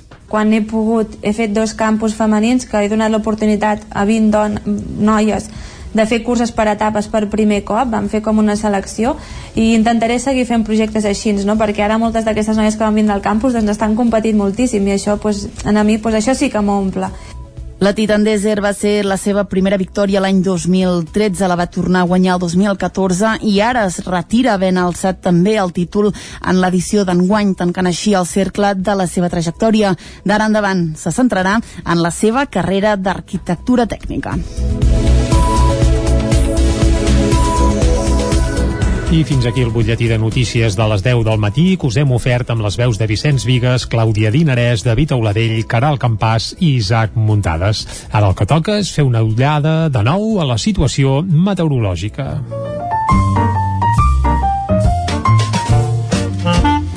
Casa Terradellos us ofereix el temps. I per parlar del temps, saludem de nou el Pep Acosta. Bon dia, Pep. Hola, molt bon dia. Molt bon dia. Què tal esteu? Bé, anar fent... Avui, alguna boira, ara les fondalades, poca cosa, sempre dic precaució amb la boira, jo no, no condueixo, no estic acostumat a conduir amb boira, segur que molta gent sí, però precaució perquè és, és, per conducció és molt perillosa, per tant, eh, molt atents, molt atents a conducció amb boira, que hi ha espessos bancs de boira, a Moianès, a la zona de la Plana del Vallès, també a la Plana de, de Vic, a Osona, per tant, molta, molta precaució, perquè de vegades és una boira molt concentrada i, i bastants quilòmetres, per tant, molta, molta precaució, i és el que fa també que faci més fred eh, en aquestes zones fondalades, eh, la boira fa com un funció de, congela, de congelador, perdó, i, i això, i congela l'ambient. Tot i que encara no és una boira d'aquelles tan, tan fredes que deixa gebre i tots els arbres, mm, és una boira bastant, bastant càlida. bueno, no càlida, però sí que no, no és aquella típica estampa molt, molt freda de, dels dies més crus d'hivern i dels anys més crus d'hivern, que aquest no està sent ni de bon tros. De cada tarda, eh, aquestes boires, algunes hi siparà, alguna quedaran núvols alts, mm, poca cosa, molt de sol, i les temperatures màximes una mica més altes que les d'ahir. Entre els 17, 18, 19 graus a tot estirar. Les zones amb boira poden quedar més baixes, ja que aquest efecte dels núvols farà, lògicament, que no pugin les temperatures entre els 13 i els 15 graus de temperatura. Un altre dia anticicló. Uh, hi va haver un hivern, jo crec que fa 4 o 5 anys, mm, ara no recordo, que vam estar a 100 i pico dies sense pluja. No sé si en recordeu, jo... No, no, ara, no sé si el 2016 poder va ser. Vam estar 100 i pico dies sense pluja. Moltes gràcies i fins demà. Adeu. Uh, això de que vam estar 100 dies sense pluja ja ens ho ha dit el Pep abans a les 9 i sí que era el 2016, eh, Vicenç? Ho, he, Ho has buscat. Ho he buscat, sí. Hem fet trampa, hem fet trampa i va ser el 2016, per tant, diguem que ja fa 4 anyets, Sí, però... el 17 va ser molt uh, plujós i va haver moltes congestes de neu a la muntanya. Correcte, i l'any passat també va ser especialment Mhm. vaja, sobretot neu aquesta època, crec que el Pirineu ja estava no enfarinat, sinó Sí, sí. nevat de veritat i tot, eh? Aquest any estava ben pelat encara. Si hem de mantenir l'alternança, potser sí que aquest any serà una mica més complicat. Uh, ja ens ho trobarem, ho Exacte. seguirem, ho seguirem. Ara el que toca per això és anar cap a l'entrevista. Casa Tarradellas us ha ofert aquest espai. Territori 17. Envia'ns les teves notes de veu per WhatsApp al 646 079 023. 646 079 023. WhatsApp Territori 17.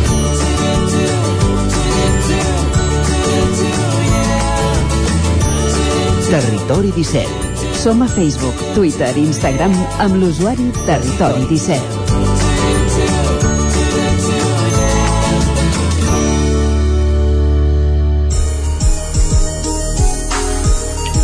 Falta un minut per un quart d'onze. Berta Grau, de Sant Feliu de Codines, és llicenciada en Biologia Humana per la Universitat Pompeu Fabra i màster en Control de Malalties Infeccioses per la London School of Hygiene and Tropical Medicine. Va realitzar les tesis de llicenciatura i de màster sobre epidemiologia i control de malalties infeccioses a Moçambic i al Paraguai, respectivament. Anem a Ona Codinenca, allà ens espera la Caral Campàs. Bon dia, Caralt. Bon dia. Uh, sí, avui per parlar de la temàtica recurrent, per desgràcia, l'últim any, la Covid-19, tenim a la Berta Grau a l'altra banda de la línia telefònica. Bon dia, Berta. Bon dia, Caral. Uh, bé, per començar a parlar-la a nivell global, no sé com veus les dades de contagis a dia d'avui a Catalunya i a Espanya. Bé, doncs, uh, bueno, com podem tots veure, ja anem seguint, són anades i vingudes al final, no? Fins que no tinguem alguna estratègia de protecció que sigui més aviat eficaç o, o un tractament que podem tractar a les persones que realment uh, pateixen la malaltia de forma més severa, seran, seran les situacions que anirem vivint. I la situació ara mateix a la resta de països europeus, eh, quina és? Està millor a Europa que la situació en la que ens trobem nosaltres? Perquè hi deu haver una mica de tot, no? Hi ha una mica de tot. Hi ha països com França que realment el nombre de casos reportats de les últimes setmanes és molt alt. Bèlgica República Txeca també. Polònia inclús, no? Que són països que fins ara estaven una mica més, més, més per darrere. A nivell mundial sí que seguim tenint Estats Units, Rússia i Brasil, que al final també ve molt, molt dictat pels sistemes de salut que aquests països tenen. Molt dictat, què, què vol dir? Que no tothom utilitza el mateix criteri ni la mateixa metodologia per reportar els casos positius? Sí, també perquè la salut pública que disposem molts països d'Europa, doncs en aquests països no, no consta. Això vol dir que moltes persones que potser pateixen de, de la Covid no poden anar a, a, a l'atenció primària com nosaltres estem acostumats i si a nosaltres ja ens és difícil perquè a vegades doncs, ens hem trobat durant tot aquest període, no? inclús ara amb, amb sistemes saturats no ens podem imaginar un lloc on, on anar a, a atenció primària probablement vol dir un gast econòmic eh, familiar, no? Uh -huh. En aquest sentit, uh, per exemple, a Moçambic uh, podríem tenir una mortalitat més baixa, però efectivament per aquest sentit de, que comentes que la gent no té accés a la sanitat pública i que potser la mitjana d'edat eh, és més, eh, no és tan uh, llarga com aquí? Sí, tot i que a Moçambic hi ha, hi ha moltes famílies públiques perquè es tracta d'un país que va tenir base comunista, per tant la, tant la sanitat uh -huh. com la salut podríem dir que sí, és pública, evidentment també hi ha, hi ha la possibilitat de tenir salut privada, no? Però en aquests casos, en el cas de Moçambic, jo vaig estar vivint allà durant 3 anys i continuo col·laborant i, i treballant allà. També s'estan fent eh, estudis de recerca en, en coronavirus i, i hi ha casos, hi ha casos, evidentment hi ha casos. Sí que és veritat que no, no tan severs, no? Però també és veritat que pot ser donat a que siguin casos que no arribin al, al sistema de salut ja més aviat per, per a l'accés.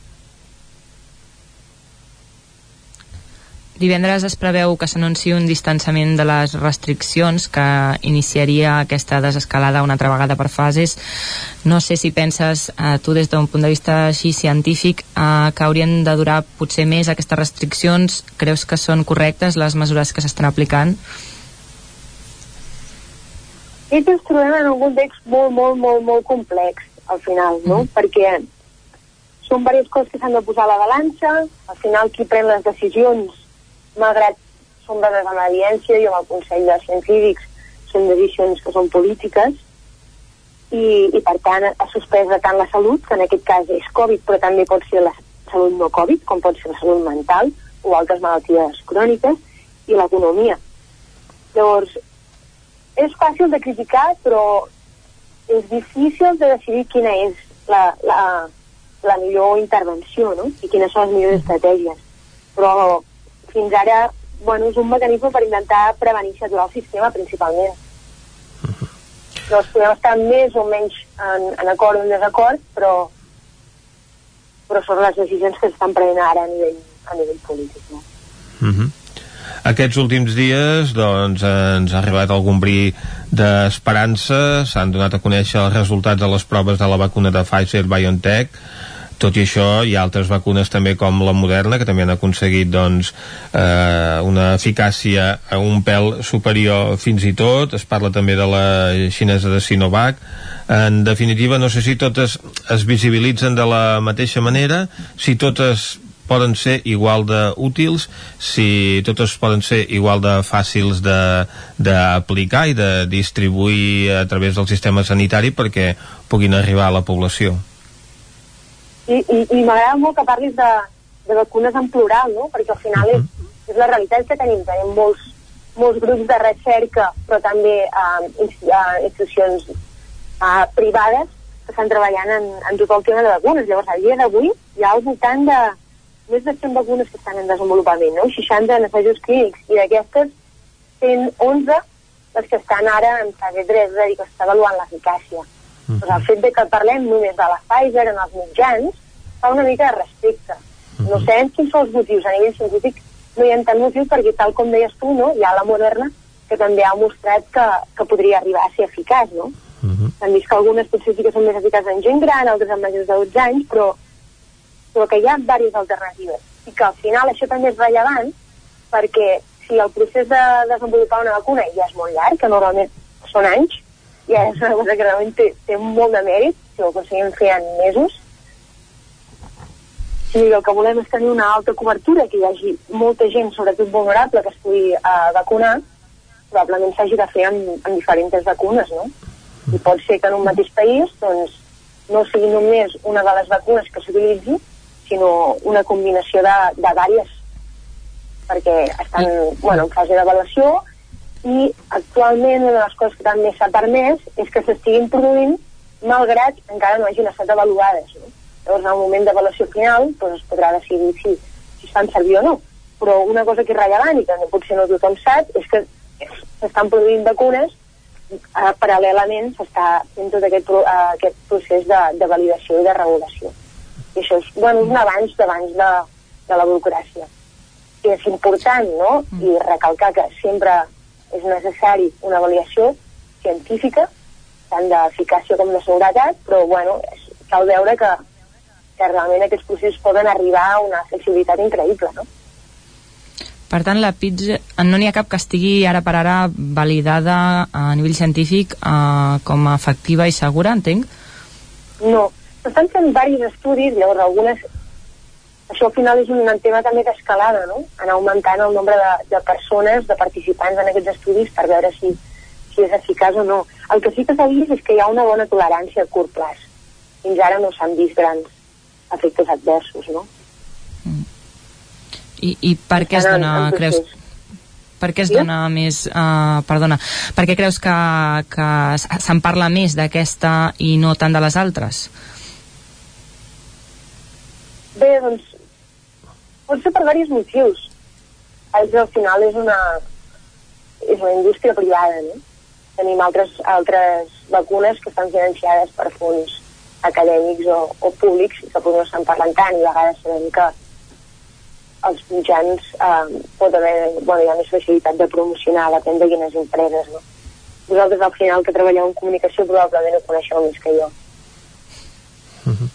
Hi ha experts que eh, aposten per minimitzar les possibilitats de contagi abans de les festes per protegir la població de risc. I en aquest sentit recomanen fer quarantena per decisió individual uns 10 o 14 dies abans de Nadal. Tu com ho veus, aquesta possibilitat que s'apunta en alguns llocs?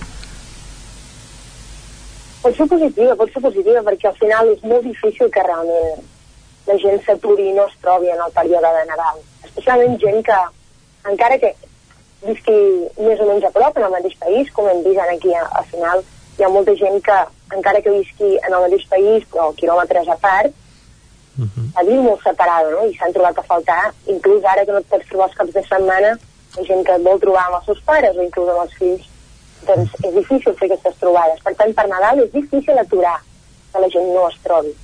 Jo crec que aquestes recomanacions de dir, bueno, almenys, doncs, intentem reduir els contactes previs fins al dia que nosaltres ens trobem, poden ajudar a que hi hagi menys contagis, no? Sobretot si hi ha desplaçaments. Mhm. Pel que fa a la dinàmica del coronavirus, eh, hi ha evidència científica sobre el que s'ha estat dient que durant l'hivern eh, hi ha més infeccions i que amb l'arribada de la calor la Covid-19 tendeix a desaparèixer?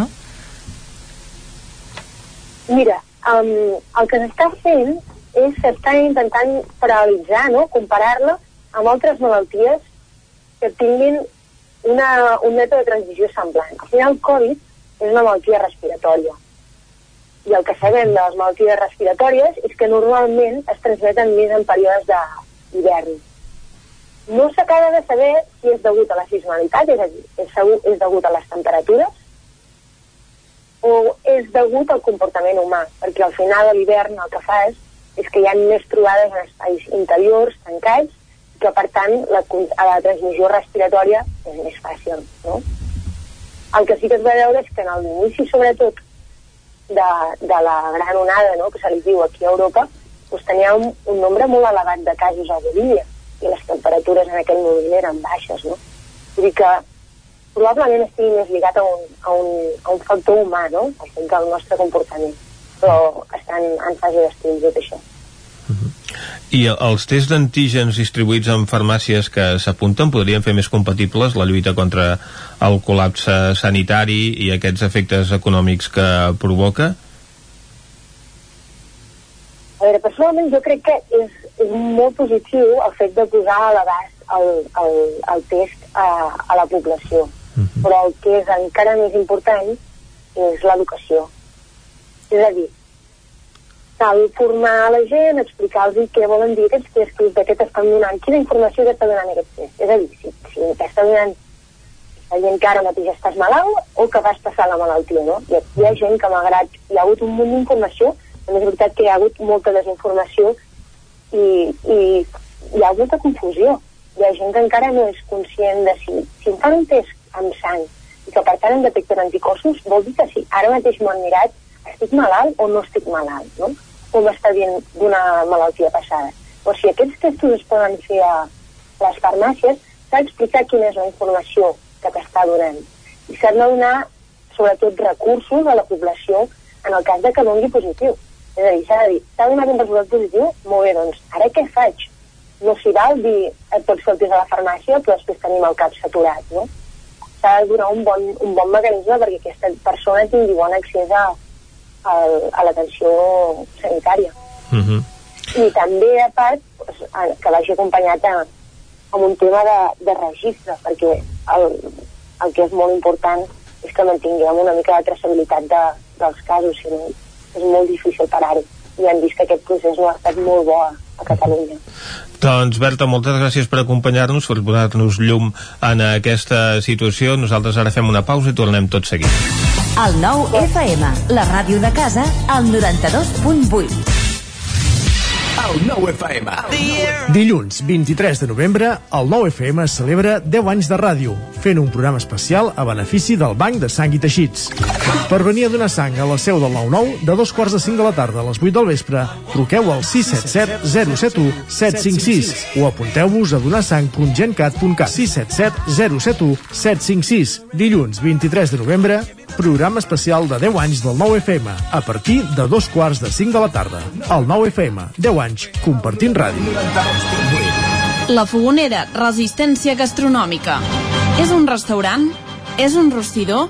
És La Fogonera, la cuina en directe des de Gurb, on encarregues, ho vens a buscar i ara també t'ho portem a casa. La Fogonera, resistència gastronòmica. Ara amb la fogonera de dia amb aperitius, arrossos, segons plats i postres. I quan cau la nit, ens transformem en un popurri culinari. Burgers, pizza, pasta... Truca al 93 851 55 75 o entra a lafogonera.cat. La Fogonera, el teu aliat gastronòmic. Òptica Visual Opti3. Regala qui estimis, visió, salut, protecció, prevenció i moda. Per tu, regala't una revisió visual completa. Visual Opti 3, la teva òptica. Ens trobaràs a Facebook, Instagram, visualopti3.com i a la plaça Major 39 de Vic. L'Auditori Teatre de Call d'Atenes presenta Paraules encadenades, de Vitó. El 28 de novembre a les 9 del vespre, Paraules encadenades, a l'Auditori Teatre de Call d'Atenes.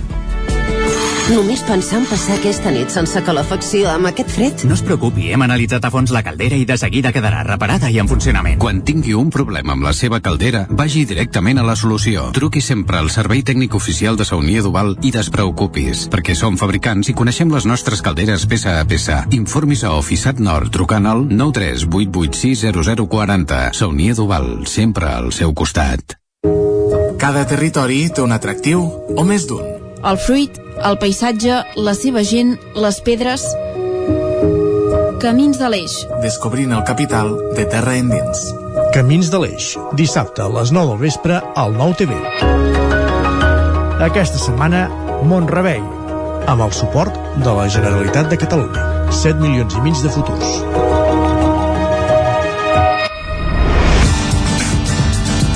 El nou FM.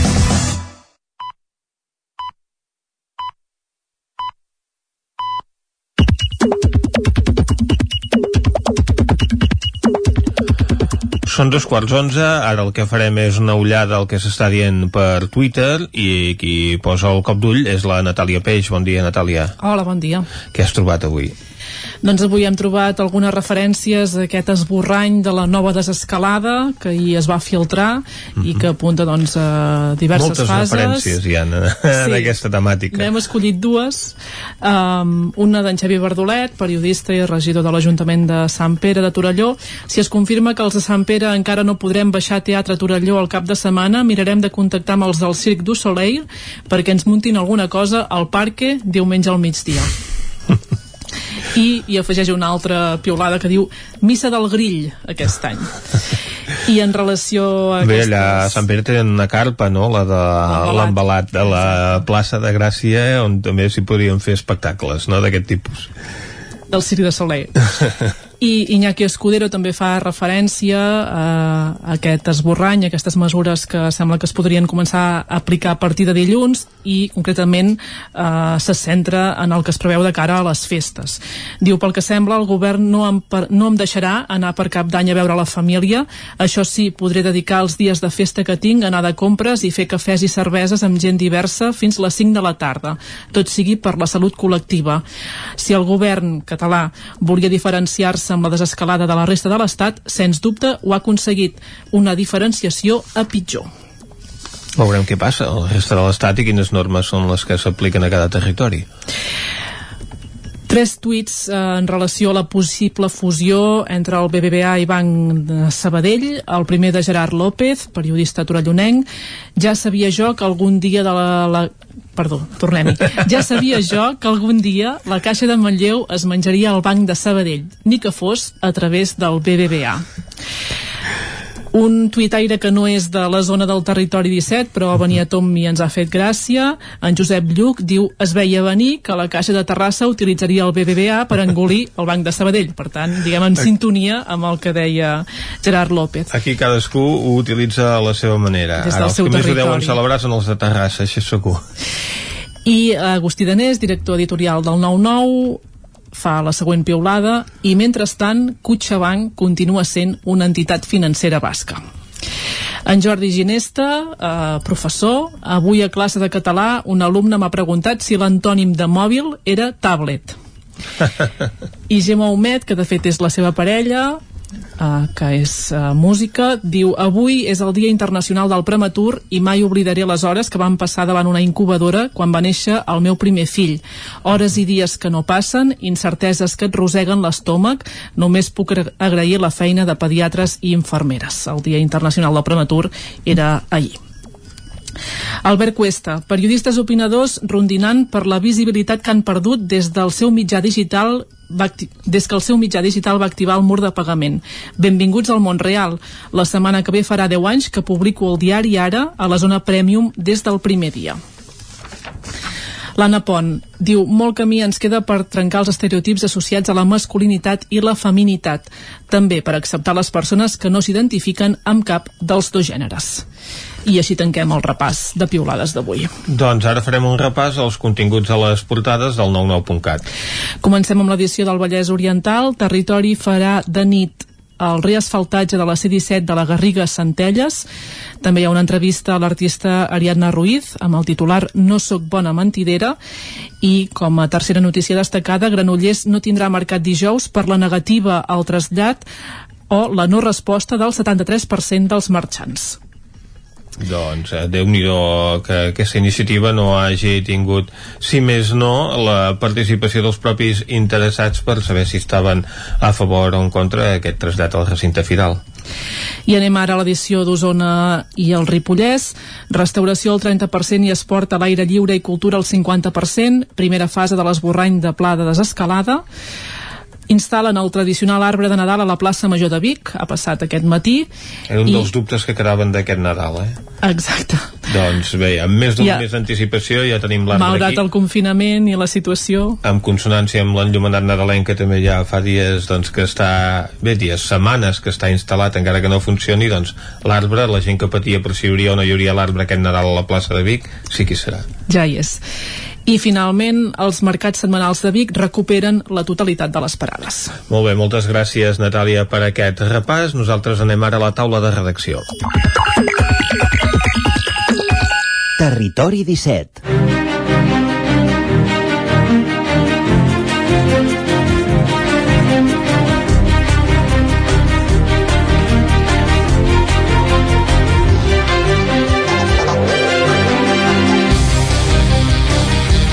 Avui aquest espai de la taula de redacció comptarà amb la participació d'en Guillem Rico i en Jordi Vilarrodà.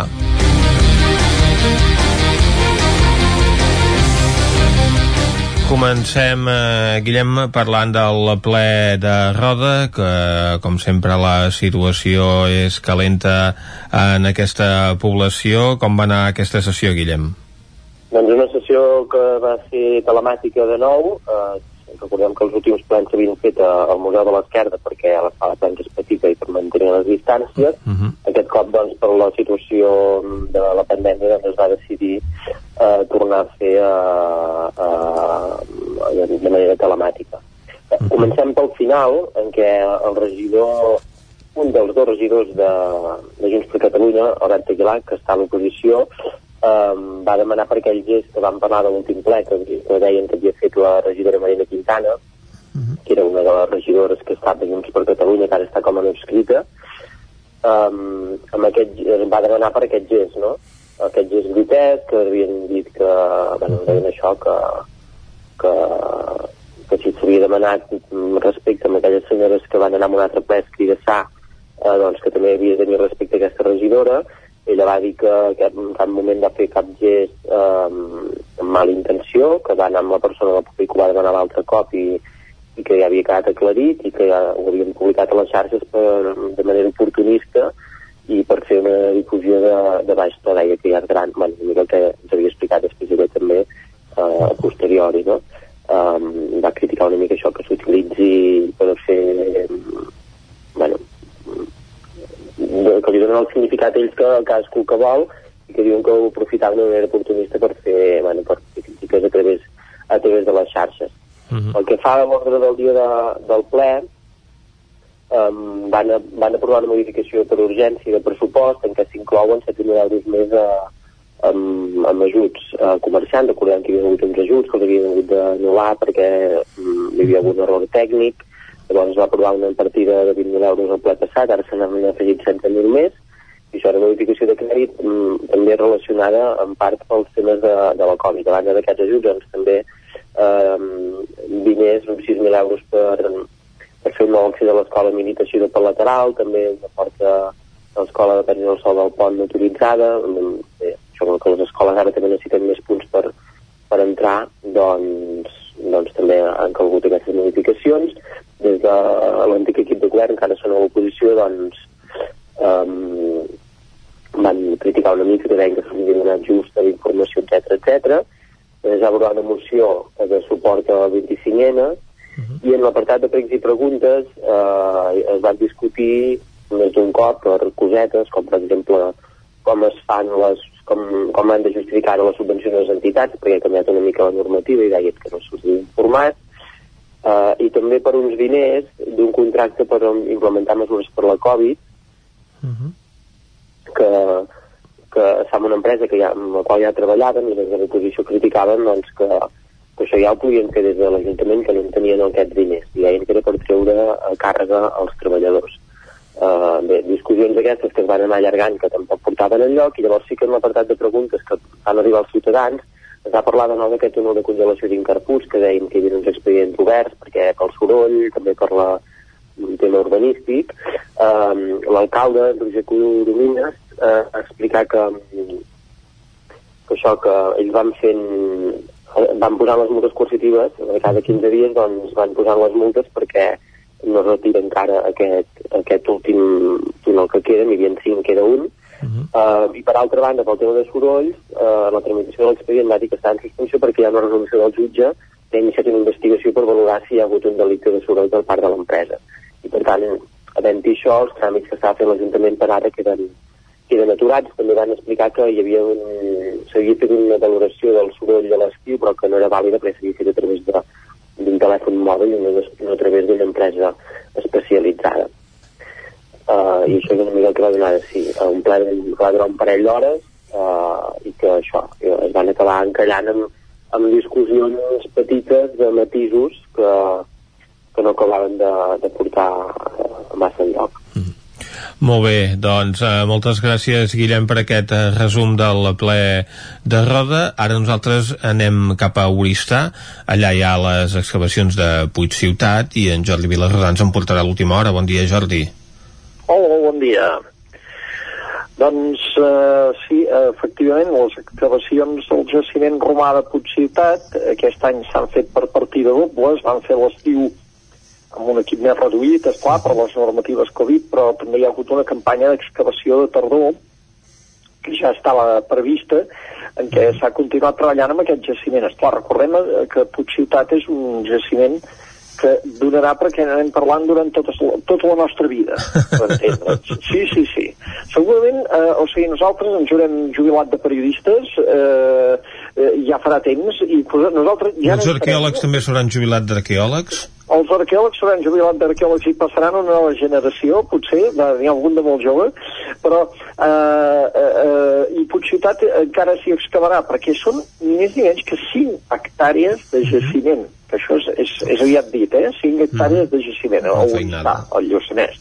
Recordem que és aquesta eh, ciutat, que com indica el seu nom, que, que va quedar això en la toponímia, la idea de que allà hi havia un gran poblament, uh -huh. doncs eh, és aquesta ciutat romana eh, destruïda en les guerres de Cèsar i Pompeu al segle I abans de Crist. I, i ara doncs s'hi ha continuat excavant. Uh -huh. És curiós perquè eh, està com revelant de moment la, la Puigciutat moltes coses, o sigui, s'hi troben a vegades restes del que va ser la seva destrucció de, de molt incendi, uh -huh. eh, no sé, projectils de fona, per exemple, de plom, que, que són curiosos perquè era com una, una petita bala, però es disparava amb una, amb una fona, no? Eh, hi ha altres coses d'armament perquè allò va tenir un final eh, violent, diguem, però a vegades, com és en aquest cas, també es descobreix la vida quotidiana. Ara s'està excavant un sector en què probablement el que hi havia era botigues. Eh, com se sap Carai. que era això? Doncs uh -huh. se sap perquè, per exemple, hi van trobar doncs, set àmfores en algunes doncs, sí, van veure que havien contingut doncs, olives que havien contingut cereal, tot això es pot veure, es pot analitzar, i era un espai que eh, l'estructura estava oberta a un carrer, o sigui, es veu que hi havia un mur doncs, que no, que no s'aixecava gaire més enllà de terra, sobre allà s'hi havia sentat doncs, unes portes de fusta que es van trobar cremades i estava doncs, com obert al carrer, probablement en un espai això de botigues, o, o, o carrer comercial, per entendre'ns, de, de Puigciutat, no? Uh -huh. eh, aquí ha aparegut, doncs ara fent aquesta excavació, una cosa molt curiosa, per exemple, una gran llosa de pedra, encara no acaben de saber qui, quina, quina funció tenia, molt ben tallada, a més a més, que eh, està a terra, però sencera. Eh, què han deduït? Doncs que aquesta gran llosa de pedra l'havien pujada des de la riera de la Gavarresa. O sigui, Ara, que Mm -hmm. fins a dalt Oristaques, que és a, a Puigciutat, perdó, damunt. que és, que és una mica més amunt, és sobre la riera, però una mica més amunt. Tenien els arqueòlegs i tenien mitjans i coneixements per fer-ho. Què, què seria aquesta llosa? Encara no ho saben. Això l'arqueologia a vegades dona més preguntes que respostes. Però hi ha una curiositat, que tot el que van mm, veient respon a una mida de construcció romana, que és el peu itàlic que són 27 centímetres i mig. Aquesta llosa, per exemple, fa 8 peus itàlics de llargada, 5 d'amplada. Les mides dels edificis, totes, responen, s'ajusten a una mesura en peu itàlic.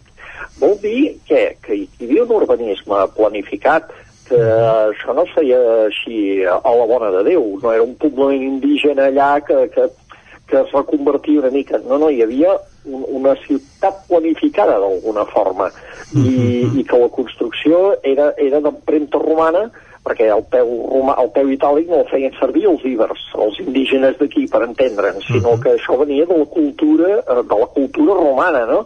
Eh, doncs, doncs això és el que, el que estan veient. Estan trobant doncs, ceràmiques, de moment, doncs, eh, ceràmiques de, de... Ara han trobat una de molt curiosa, un, un tipus de ceràmica originat itàlic que es diu el roig pompeià. Doncs bé, ara han trobat tota una sèrie de coses, carbons també de la crema de l'incendi, i què fan els arqueòlegs? Els arqueòlegs busquen informació a- amb tothom qui els pugui assessorar. Per exemple, en aquest cas doncs, han fet anar allà bombers i forestals que són els experts en incendis o en rastrejar com s'ha originat un incendi, com es va produir, etc etc. I els han demanat idees, també. Han compartit la seva informació amb aquesta gent que són capaços de trobar el més mínim rastre i saber com s'ha originat un incendi forestal. Sí, sí, són els que troben la borilla, sí senyor. Ah, Exacte, els que troben la borilla, doncs amb aquests han compartit la seva informació. Ells els diuen que probablement hi va haver una intencionalitat en l'incendi, o sigui, no va ser accidental, sinó que s'utilitzen uns materials prims perquè després cremin les cases i que es cremen des de dintre. Bé, això són informacions que els arqueòlegs van recollint. L'arqueologia és una mica això, és molt multidisciplinada, és, uh és recollir moltes informacions. I llavors bé, doncs ara tot això que han fet, aquesta excavació, ho tapen perquè s'ha de continuar excavant doncs, quan es pugui, potser l'estiu que ve o més endavant, i ho ho museïtzen, és a dir, eh, això doncs, que s'ha descobert ara, quedarà tapat amb, grava, però després el, allò que han trobat, doncs la gran llosa aquesta o altres elements els marcaran per sobre amb, amb, amb fusta, no? Perquè la gent vagi allà i vegi alguna cosa el que els expliqui què s'ha trobat allà, amb plafons explicatius, aquí hi ha això, un altre dia ho tornem a destapar i continuarem excavant, però de moment hem trobat això, i eh, senyalitzar i anar explicant doncs, és un dels objectius dels arqueòlegs de Puigciutat. Per cert, convidem a visitar la web del jaciment perquè allà els objectes que es van trobant i que es van investigant es van reproduint allà en 3D, els pots veure en una, en una animació en tres dimensions, i anar, eh, es va actualitzant la informació sobre el jaciment, que és una manera doncs, també de visitar-lo des de casa, si no podem anar-hi, anar-hi de totes maneres és... De fet, ara no podem anar gaire enlloc, no, Jordi? No podem anar gaire enlloc, però els dies de cada dia, de moment sí que s'hi pot anar. Aquesta vegada, ara, eh, va, quedar, mm, va quedar malmès l'accés des d'Uristà, arran de la tempesta del Glòria, un pont doncs, que va patir desperfectes i s'ha d'accedir des d'Olost. Però des d'Olost, per una pista de terra eh, on qualsevol vehicle a poc a poc hi pot passar, doncs eh, hi ha uns 3 o 4 quilòmetres per aquesta pista i es pot accedir al jaciment que està molt ben senyalitzat, està en un lloc preciós, a més a més, i ara doncs es pot anar a visitar a qualsevol moment, doncs, encara que no hi hagi els arqueòlegs, perquè hi ha plafons allà que t'expliquen la història doncs, en fi, d'aquests- d'aquesta ciutat romana eh, tan important que hi havia allà, eh, allà al Lluçanès, on ara ens sembla impossible que hi hagués una, un poblament gaire gran, doncs, doncs hi era. Hi era. Ten, doncs tindrem ocasió d'anar-ne parlant. Jordi, moltes gràcies. Tanquem aquí la taula de redacció. Territori 17 Tanquem la taula de redacció i anem ara a parlar de literatura. Avui, Vicenç, el que farem és anar cap a Cardedeu perquè la Maria López ha conversat amb una editora. Ho escoltem? Escoltem-la, i tant. Doncs anem cap a Cardedeu.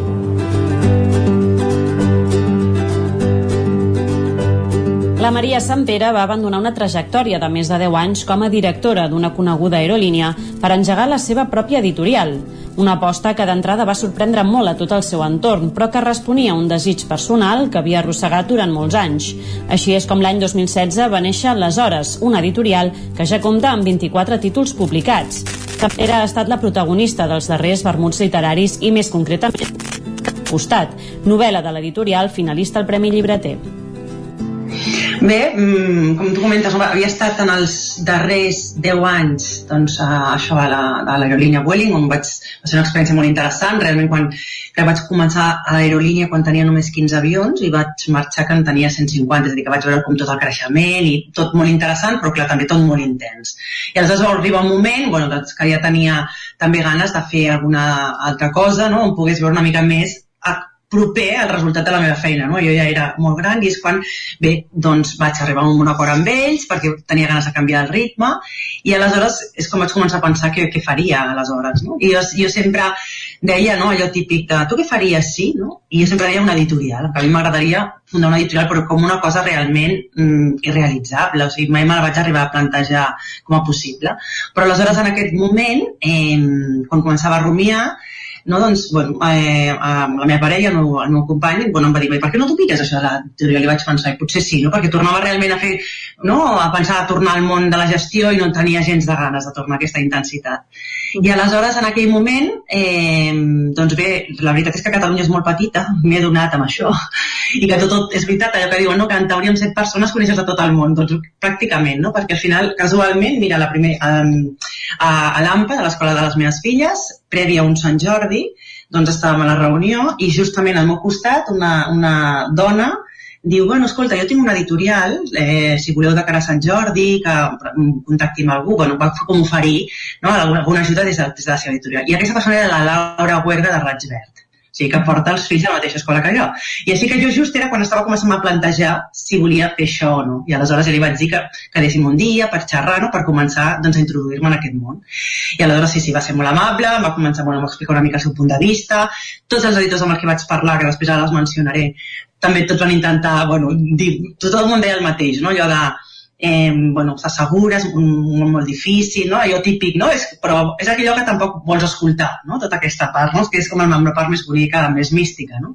Sí. Eh, I aleshores, bueno, per una part vaig conèixer la Laura aquí, després també una cosina del meu marit coneixia l'Aniol, Rafael de Periscopi, és a dir, que és una, una altra de les persones amb qui vaig també eh, xerrar amb ells, i després també arran d'un conegut del meu pare, també vaig estar parlant amb l'Enric Viladot de Viena, de Viena Edicions, Sí. I l'última persona qui vaig parlar va ser amb el Luis Solano, que nosaltres de joves, ell també venia del món de la gestió i havíem coincidit a una consultoria quan érem molt joves amb el Luis Solano d'Asteroide. I aleshores també, vaig, també és una, una altra persona amb qui, amb, amb qui vaig parlar. I aleshores, després de fer com aquesta ronda no, d'editors, també vaig aprofitar per parlar, evidentment, doncs, amb escriptors, amb traductors, Eh, I bé, en aquest moment vaig pensar, bueno, vaig fer una mica els números, que com que jo sí que vinc d'aquesta part, no? com més de gestió, bueno, vaig fer els números i realment la cosa era complicada, no és una cosa vull dir que els marges són molt, molt ajustats, no? el, el volum de lectors en llengua catalana és molt limitat, perquè jo tenia clar que si volia fer alguna cosa ho faria en català no? Perquè al final bueno, és la meva llengua i és la, amb la que pensava que m'agradaria no? doncs, doncs contribuir a intentar enriquir una mica, en, en alguna mesura, si és possible, no? a les opcions per llegir en llengua catalana. I aleshores, en aquest moment, aleshores vaig fer com, com un estudi de, del sector, vaig començar a mirar qui estava publicant què, perquè clar, jo, jo era conèixer el sector de lectura, que m'agrada molt llegir, sempre és la meva passió, però o sigui, com no llegir els articles que tenien a veure amb cultura, però tampoc no és allò que no, no tampoc coneixia tan profundament el sector. I aleshores vaig començar una mica a analitzar no? tot això, no? qui formava el sector editorial. No? Evidentment estan les grans eh, empreses, no Random i Planeta, que ocupen el 70% de, del que serien les vendes, i la resta, doncs, bueno, vaig veure que estava formada per part petits, eh, bueno, dit, més grans o més mitjans, però sí que a Catalunya en aquell moment, justament, em sembla que era l'any que feien cinc anys, Raig Verd, Periscopi, Males Herbes, tots ells, eh, com jo vaig començar, I vaig veure això, no? que sí que aquestes editorials havien, havien estat capaces de fer-se un espai no? en llengua catalana amb propostes no? com molt personals i molt diferents al que serien unes propostes com més comercials, que jo en cap cas i mai ho faré d'abans tenir totes les propostes que puguin haver. O sigui, al final tothom llegeix el que vol llegir. L'important és que la gent, llegi, la gent llegeixi no? com una eina al final de, de, de coneixement del món i de reflexió i cada un una mesura que vol. Però sí que vaig veure doncs, això que realment les editorials independents aquestes que menciono doncs totes estaven fent com el seu espai dins de, del panorama literari i català. I vaig començar a mirar qui feia què. Doncs aquest feia eh, ciència ficció, aquest feia més eh, assaig. No? Vaig començar una mica a mirar qui estava fent què i a mi, i aleshores en aquest moment és quan vaig contactar el Manel, com comentaves tu al principi, que el Manel és un, bueno, actualment és professor de llengua i literatura a un institut, però eh, havíem coincidit a Welling fa molts anys. I aleshores sempre parlàvem de literatura i de, i de llibres, i coincidíem molt amb els nostres llibres preferits, o sigui, tenim com moltes coincidències de, de gustos. No?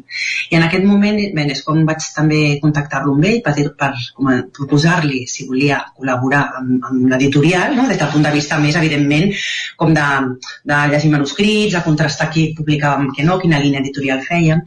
I aleshores em va semblar no, del tipus de narrativa que a mi m'agradava no? que és això, no? la, relacionada amb els temes eterns al final, no? la vida, el pas del temps, la mort, les relacions humanes...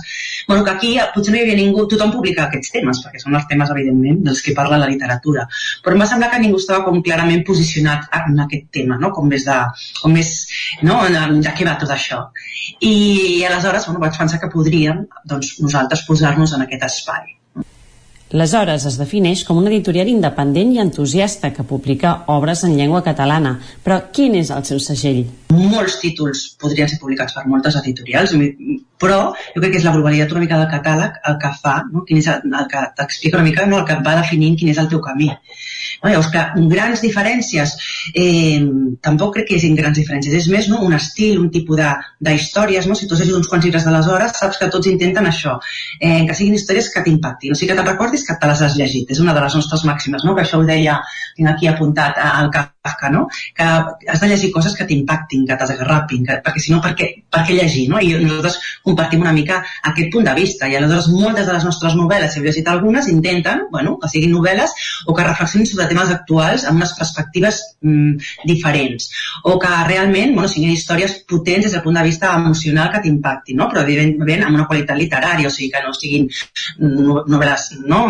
cursis, perquè bueno, d'alguna manera. I aleshores, bueno, al final són narratives doncs, que et relacionin, t'ajudin a comprendre una mica el món d'avui. No? Per exemple, nosaltres hem, publicat un títol, que jo sóc una apassionada d'ell, que és Les tristes recances, que reflexiona sobre el dret a morir per exemple. Però també tenim, per una altra banda, un que es diu el Museu de l'Amor Modern, que reflexiona sobre la importància de l'art en la vida, no? i que per què ens ajuda l'art, per què serveix l'art.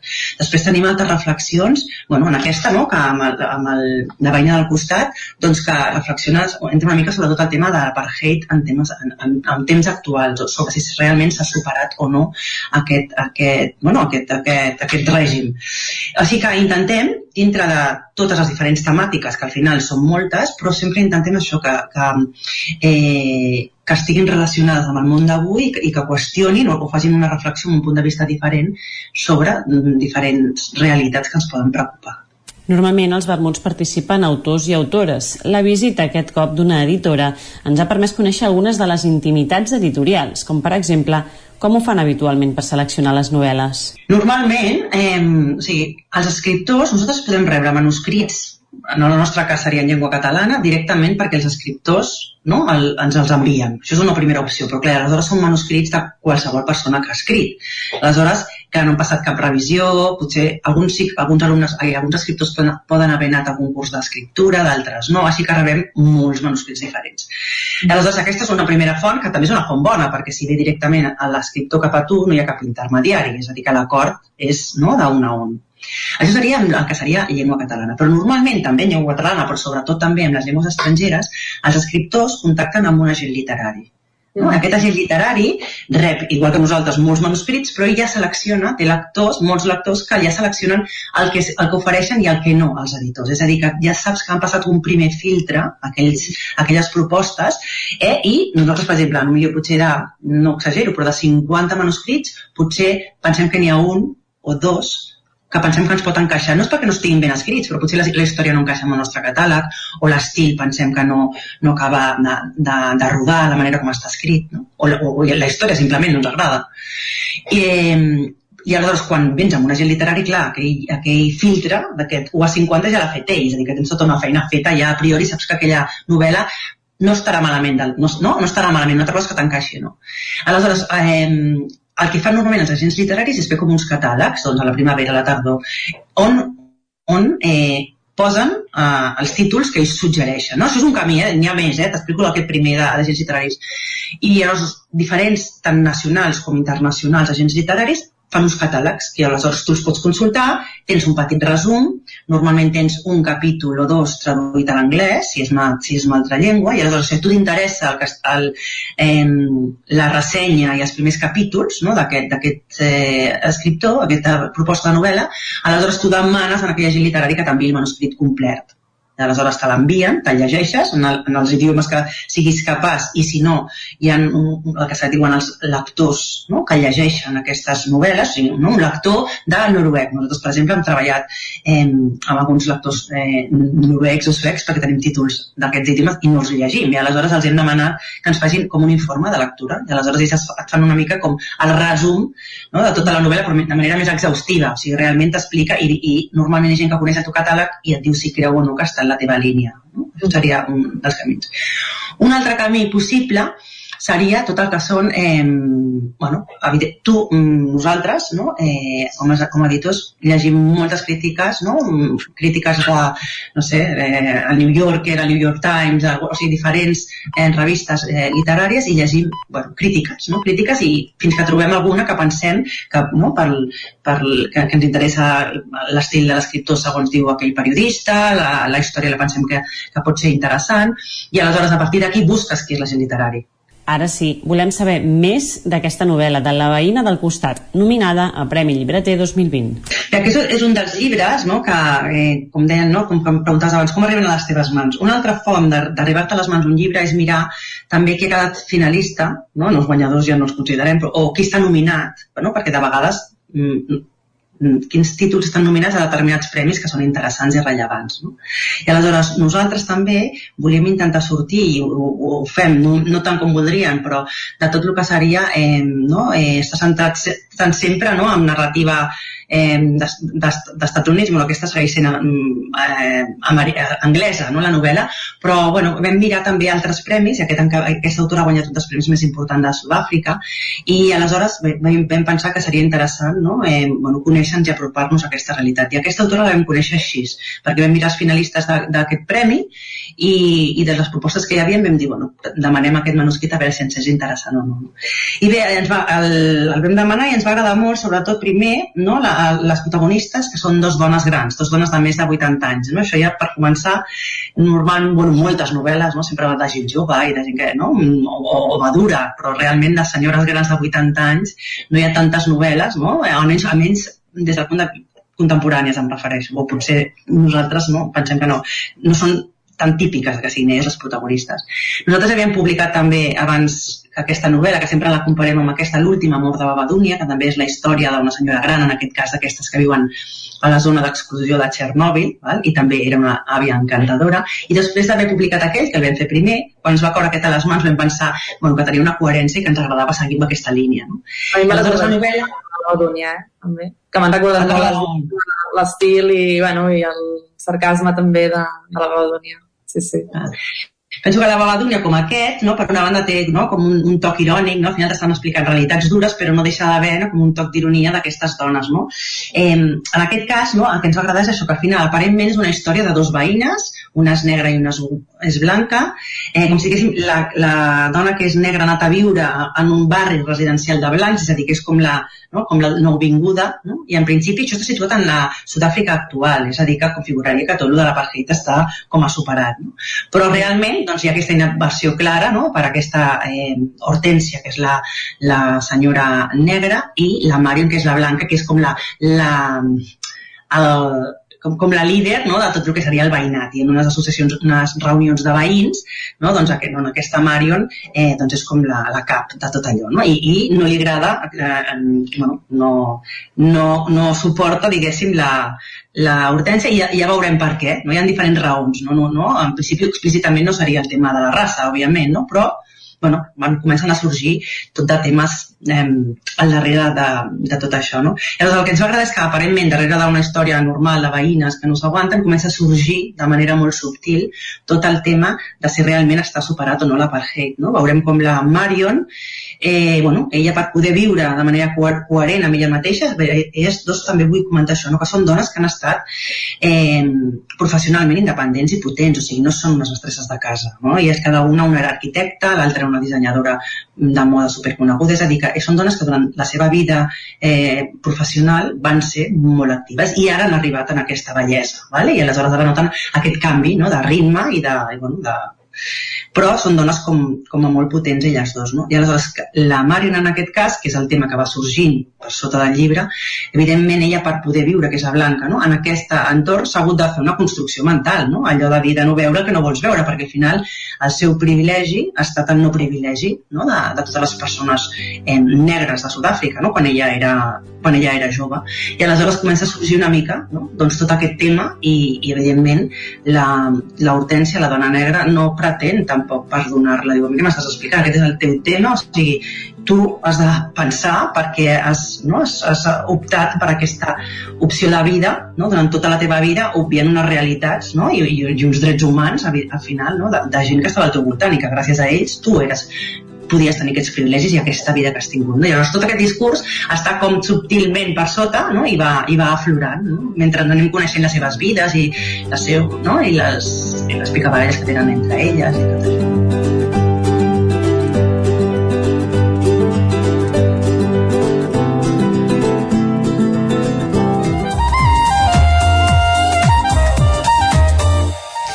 Les 11 i 5 minuts del matí, en aquest punt tanquem la secció de lletra ferits i recuperem la informació de les nostres comarques. Ja ho sabeu, les comarques del Ripollès, Osona, el Moianès i el Vallès Oriental. Territori 17, amb Vicenç Vigues i Jordi Sunyer.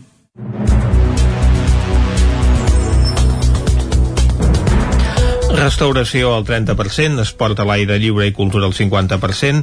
Aquestes són algunes de les mesures de la primera fase de l'esborrany de Plada desescalada que comença el proper dilluns 23 de novembre. En la segona de les quatre etapes, el confinament de cap de setmana seria comarcal i els gimnasos podrien reobrir. L'esborrany del pla de desescalada que han preparat els departaments de Salut i Interior preveu en una primera fase obrir la restauració al 30% des de les 6 del matí i fins a les 5 de la tarda tant a les terrasses com a l'interior i la reobertura de les instal·lacions esportives a l'aire lliure amb un aforament del 50%.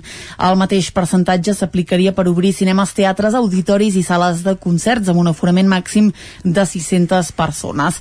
La resta de restriccions segueixen vigents en aquest primer interval. A les universitats es manté la docència teòrica en format virtual i les extraescolars continuen tancades. Pel que fa a la mobilitat, es manté el tancament perimetral perimetral de Catalunya i el municipal de cap de setmana, així com el toc de queda. Les reunions continuen sent de sis persones corresponents a una bombolla de convivència habitual.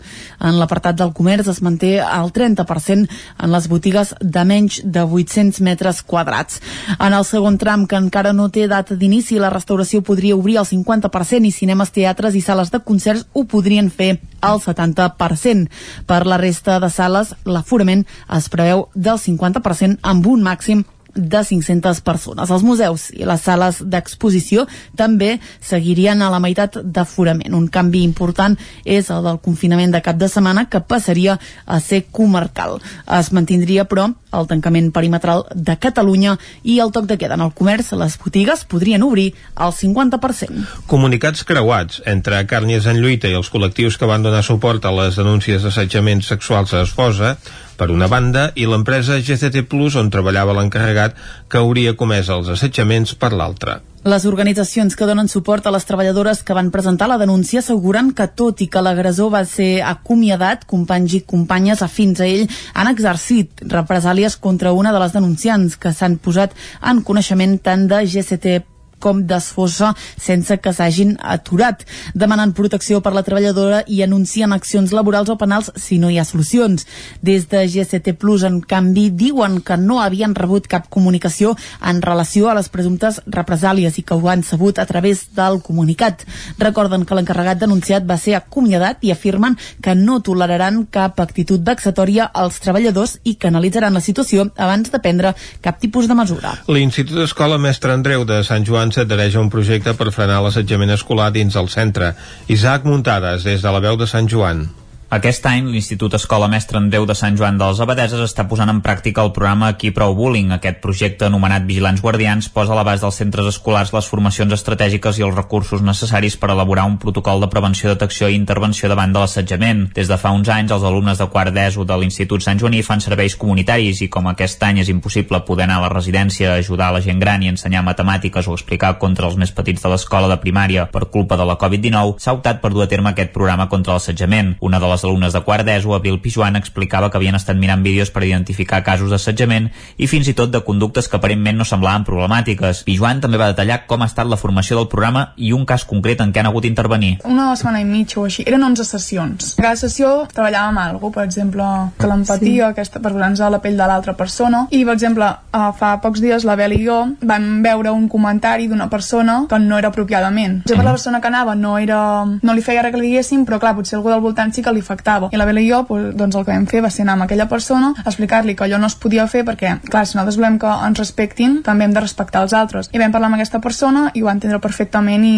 després ens vam sentir molt bé de, després de fer aquesta acció. Pensem que és algo molt important. Va ser un comentari fora de, de to que no era necessari en cap moment. Sobre l'orientació sexual d'un noi. La idea d'aquest projecte és tallar de socarrel els casos d'assetjament intervenint en aquelles situacions que es considerin lleus i moderades i derivar al professorat les que es considerin greus. Un altre alumne de quart, Abril Lozano, apuntava com treballarien aquest projecte durant el curs. Farem unes presentacions, uns vídeos explicant a l'altra gent perquè també puc, els altres cursos perquè també puguin controlar més o menys aquests casos i després mm. tenim un, pa un paper perquè ens hem separat en grups de guaites on hem d'anar vigilant més o menys els a les hores de pati o de canvi de classes les situacions i marquem quan trobem alguna que està fora de lloc ho marquem i sempre es pot um, avisar els profes per si hi ha alguna que són baralles. Enguany els alumnes de sisè de primària també estan fent un projecte similar. Granollers no tindrà mercat aquest dijous davant la negativa i no pronunciament de més del 70% dels paradistes del canvi d'ubicació del mercat al recinte firal. David Oladell, de Ràdio Televisió, Cardedeu. Fa pocs dies l'Ajuntament anunciava la intenció de traslladar el mercat al voltant del recinte firal de la ciutat per complir amb el tancament i l'aforament del 30% al recinte. La proposta, però, ha quedat en paper mullat aquests dies després que un grup de marxants es va mostrar en desacord cosa que va portar l'Ajuntament a una consulta a tots els paradistes. En aquesta consulta hi ha hagut 188 vots hàbils i d'aquests només un 30% està a favor del canvi d'ubicació per les mesures sanitàries.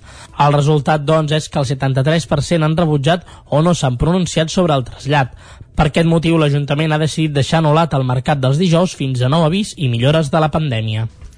La matinada de dilluns a dimarts es va produir un robatori a la botiga de telefonia mòbil Orange, situada entre el passeig Sant Joan i la carretera d'Olot de Manlleu. El moment del robatori ha estat enregistrat en un vídeo que ha circulat a través de les xarxes. A, la, a les imatges es pot veure com tres joves que tenen el rostre cobert amb la mascareta colpegen el vidre de la porta amb el peu fins a accedir al seu interior. Després en treuen aparells de telefonia malgrat el so de l'alarma. Des de l'Ajuntament informen que la policia local i els Mossos d'Esquadra tenen una investigació oberta i treballen conjuntament per identificar els individus que apareixen a les imatges.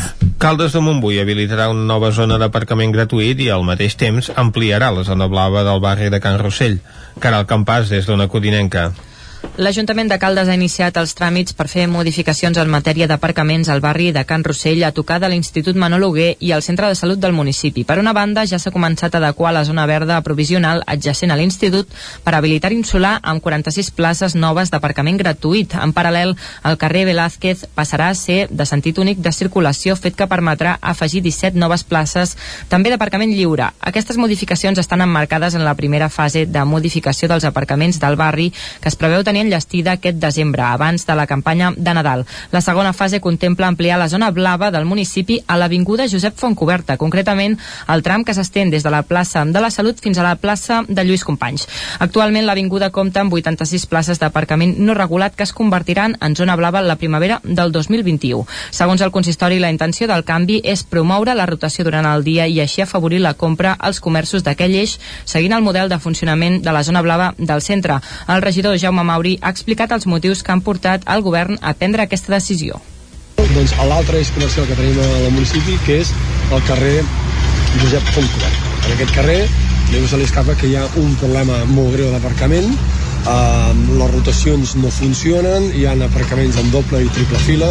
Hem vist moltes casuístiques eh, que ens causa problemes amb la mobilitat d'aquest carrer i el que volem és donar doncs, més rotació per donar més aparcament. I l'èxit eh, que ha estat la implantació de la zona blava al carrer Pi Margall el volem traslladar a l'Avinguda Fontcoberta una possible tercera fase seria iniciar els tràmits per convertir a oferta municipal les 209 places soterrades que hi ha en un edifici del barri, tot i que ara per ara no se n'han donat més detalls.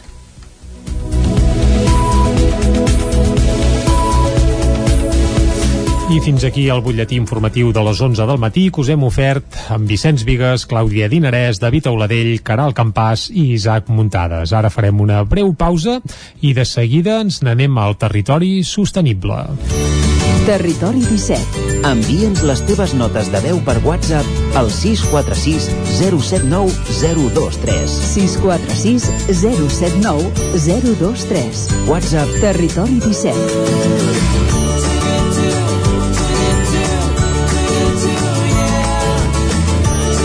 Territori 17. Som a Facebook, Twitter i Instagram amb l'usuari Territori 17.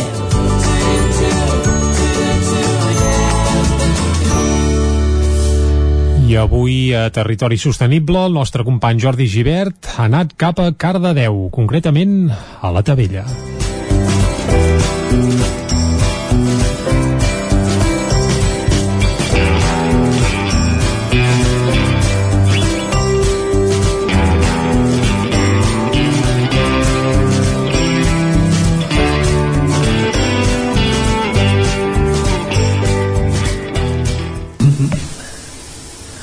Avui a Territori Sostenible ens acostem fins a Cardedeu per conèixer el projecte de la Tavella.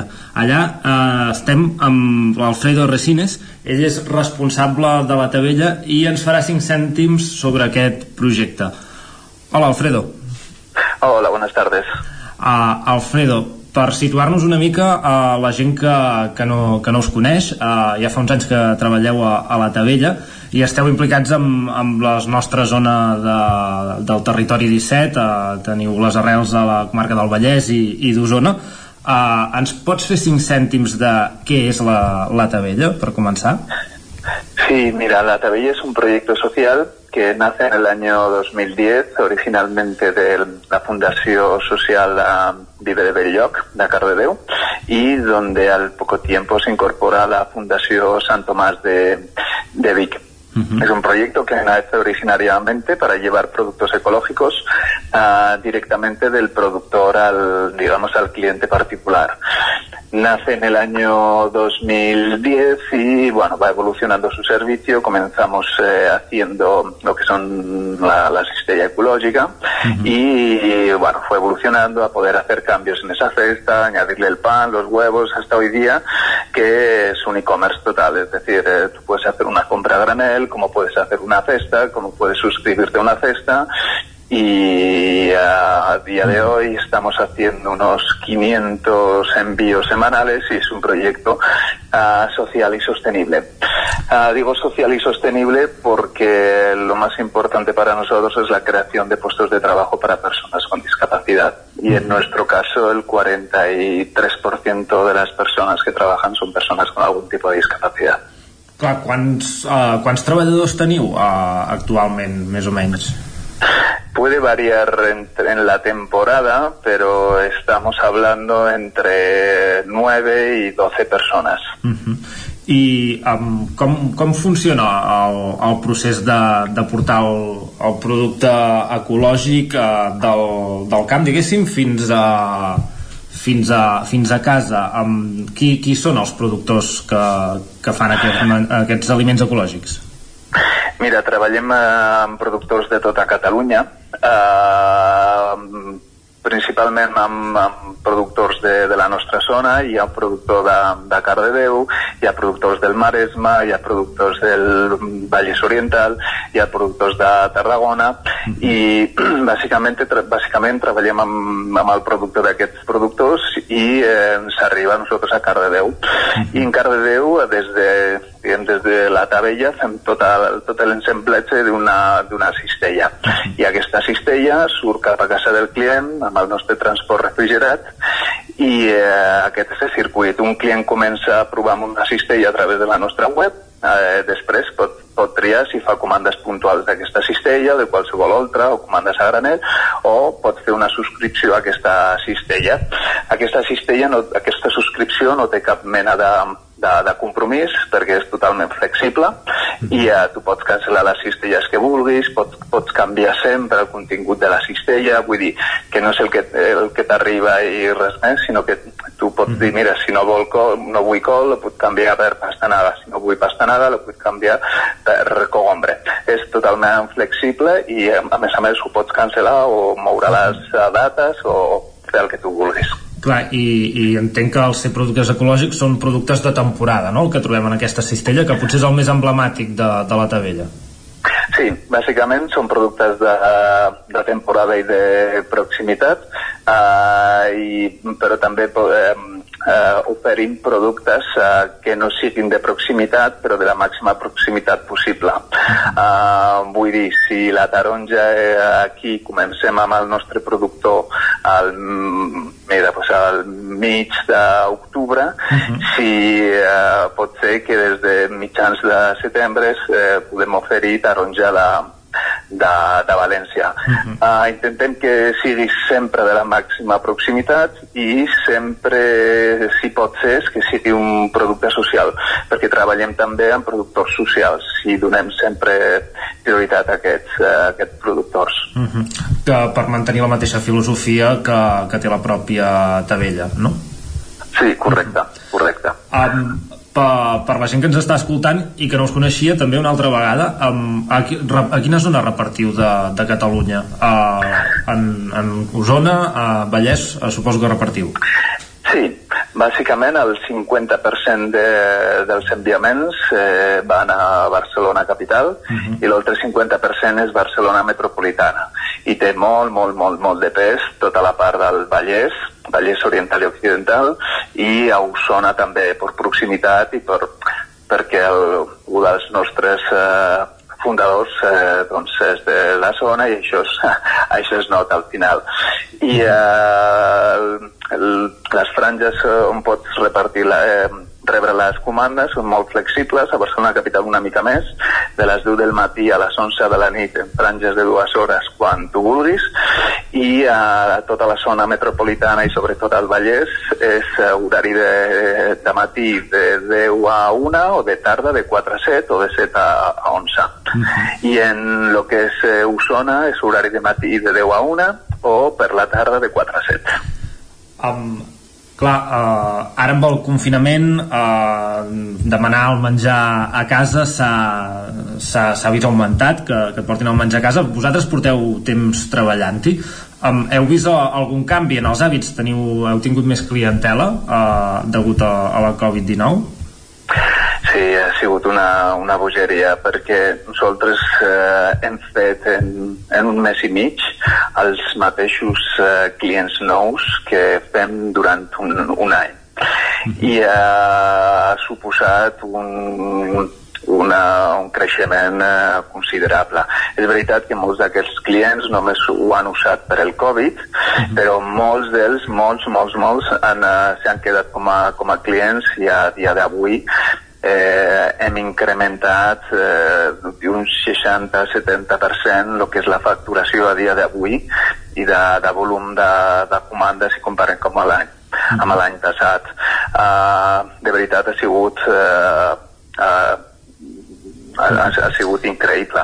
I però per al mateix temps no és agradable créixer així perquè es descontrola tot.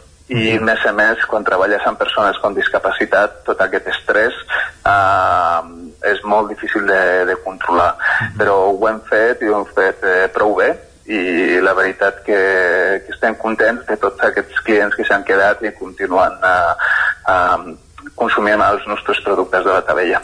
També en, en moments eh, complicats com aquests que, que tenim ara eh, també és normal que, que la societat reflexioni, que, que aposti per productes eh, de proximitat, sostenibles eh, i, que, i que no siguin eh, del consum habitual eh, més consumista que, que estàvem acostumats eh, fins ara i ens en alegrem que, que vosaltres ho, ho, hagueu, ho hagueu notat positivament i esperem que, que la gent segueixi uh, apostant amb, amb uh, projectes com vosaltres.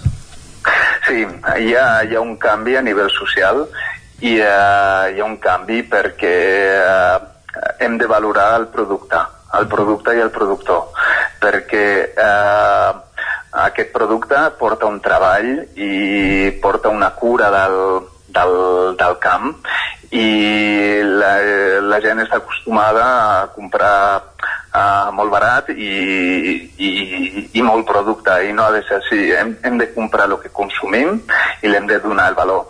I mm, quan la gent a vegades diu ja, però és que jo puc trobar molt més barat al supermercat o és, és una conversa diferent, és un producte diferent. No podem comparar aquest producte amb, amb, amb un tomaca de, de la gran distribució eh, que ve de no sé on. Mhm. -huh. Sí, a vegades és això que pots trobar un, un, un parell de quilos de taronges que no, no et menjaràs i se't faran malbé. Potser val més a la pena apostar per, per producte que sigui de proximitat i que sigui eh, el, el suficient pel, pel teu ús quotidià. Clar, i nosaltres dintre també de, de la Tavella tenim molta cura de, del malbaratament eh, de tot el producte que ens arriba nosaltres només no servim l'1.7 d'aquest producte, que és, és res, és producte que que no podem servir perquè no està en, en bones condicions, però tot aquest producte que és lleig, que això per nosaltres no passa res, és, és part de, de, de la nostra identitat.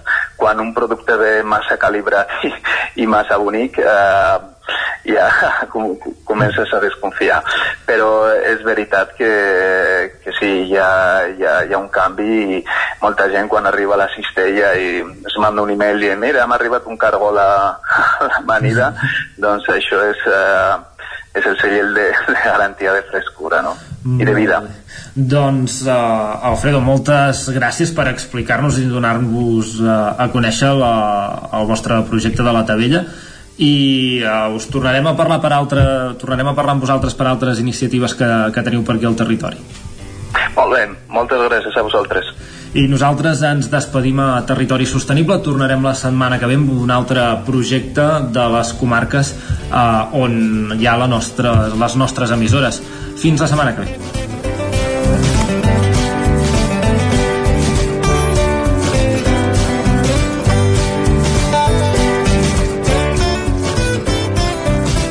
Territori 17 doncs moltes gràcies, en Jordi i Givert, per acostar-nos al que fan a la Tabella de Cardedeu, a una sí. bona iniciativa, un bon projecte que, que seguirem, evidentment, i nosaltres ara, Vicenç, encara ens queda molta feina per fer, eh? perquè serem aquí fins a les 12, de seguida farem un tall de publicitat, però després tornarem amb el Descobrir Catalunya, anirem també a la R3 i després farem un repàs a l'agenda cultural del cap de setmana marcada per la buidor però també parlarem... L'agenda cultural que comença avui, de fet. Correcte, no? i també parlarem del que passarà avui. Mm. L'últim concert, eh, moltes sales d'arreu de Catalunya s'han unit en un projecte que coneixerem i del qual en de, això en sabrem detalls també a la part final del territori 17 d'avui. Ara fem una breu pausa i tornem d'aquí res, 3 minutets. Fins ara mateix.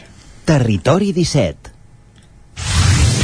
El nou FM, el nou FM 9 FM. Dilluns 23 de novembre, el 9 FM celebra 10 anys de ràdio, fent un programa especial a benefici del Banc de Sang i Teixits. Per venir a donar sang a la seu del 9-9, de dos quarts de 5 de la tarda a les 8 del vespre, truqueu al 677 071 756 o apunteu-vos a donarsang.gencat.cat 677 071 756. Dilluns 23 de novembre, programa especial de 10 anys del 9FM, a partir de dos quarts de 5 de la tarda. El 9FM, 10 anys, compartint ràdio. No em trec la imatge dels nens amb cara de velocitat baixant per la pista vermella. Sí, molt divertit. I quin fred. Uh. Tranquil·la, he deixat l'estufa encesa i, la casa està calenta. Sempre tenim sort de comptar amb Corretja. Són especialistes en aïllaments i estufes. Acabar la jornada d'esquí amb la família al voltant de l'estufa i amb aïllaments de primera és 100% corretja. Corretja. Tot i més a corretja-sl.com. Cobertes serveis funeraris. Els nostres tanatoris estan ubicats en els nuclis urbans més poblats de la comarca d'Osona per oferir un millor servei. Tanatori de Vic, Tanatori de Manlleu, Tanatori de Centelles i Tanatori de Roda de Ter. Sabem que són moments difícils i per això el nostre compromís és atendre-us en tot moment amb un tracte humà, sensible i respectuós. Cobertes serveis funeraris. Telèfon 24 hores 93 883 23 46. Cocodril Club. Si t'agrada la bona música dels anys 60, 70 i 80, escolta el 9 FM els matins de dissabtes i diumenges d'11 a 1. És el temps del Cocodril Club, tot un clàssic de la ràdio, amb les bases del pop-rock, les llegendes, les cançons que s'han convertit en autèntics himnes. Recorda, dissabtes i diumenges al matí, d'11 a 1, al 9 FM 92.8. Cocodril Club, el programa revival de l'Albert Malla. Hasta luego. Anuncia't al 9FM. La màquina de casa. 9 3 8 8 9 4 9 4 9. Publicitat arroba al 9FM.cat. Anuncia't al 9FM. La publicitat més eficaç. L'Auditori Teatre de Call d'Atenes presenta Paraules encadenades, de Vitó. El 28 de novembre a les 9 del vespre, Paraules encadenades, a l'Auditori Teatre de Call d'Atenes. Cada territori té un atractiu o més d'un. El fruit, el paisatge, la seva gent, les pedres... Camins de l'Eix. Descobrint el capital de terra endins. Camins de l'Eix, dissabte a les 9 del vespre al 9 TV. Aquesta setmana, Montrebei, amb el suport de la Generalitat de Catalunya. 7 milions i mig de futurs. 9 FM, el 9 FM, el 9 FM, el 9 FM.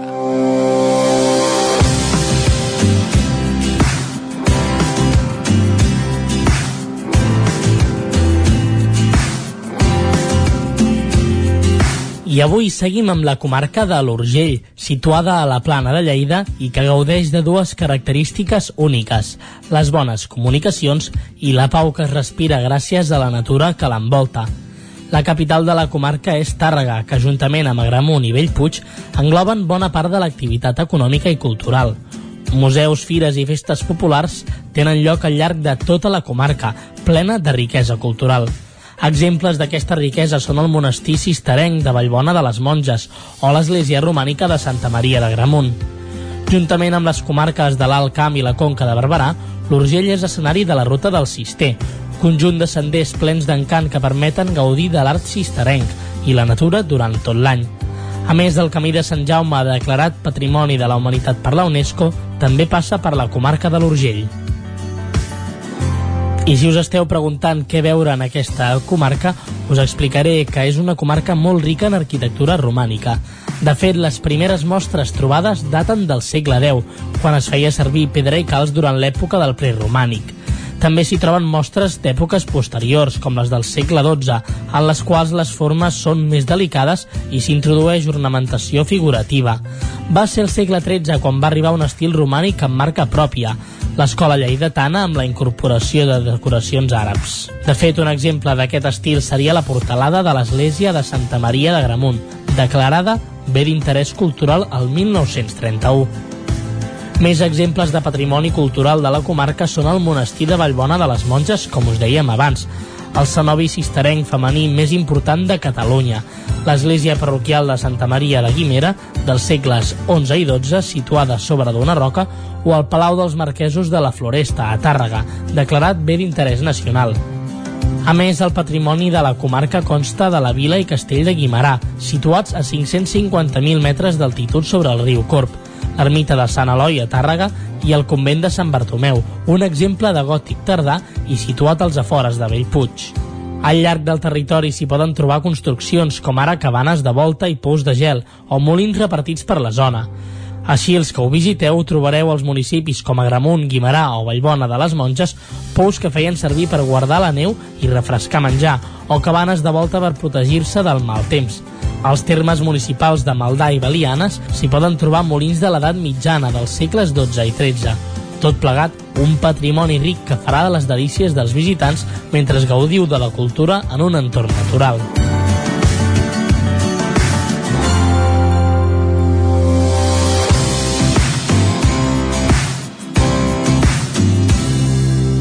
Territori 17. Ens venen ganes d'anar cap a l'Urgell, eh, de, a fer-hi un cop de cap, eh? Clar que sí, avui ens ho explicava el David Auladell, eh? Doncs sí, eh, estaria bé poder-hi anar. Bé, potser d'aquí 15 dies, no, no sé, perquè, clar, en principi això del confinament de cap de setmana municipal, a la fase que entraríem dilluns que ve encara es mantindria, Si ha oi? d'anar entre setmana. Entre setmana, clar, ho tenim complicat perquè som aquí, eh? Exacte. Bé, uh, quan hi puguem anar hi farem cap, cap a l'Urgell. De moment on farem cap és cap a la R3. Anem-hi. A Tren d'Alba. Cada dia els usuaris de la línia R3 de Rodalies que veuen sortir el sol des d'un vagó ens expliquen les gràcies i les penes del primer comboi que uneix Ripoll i Barcelona.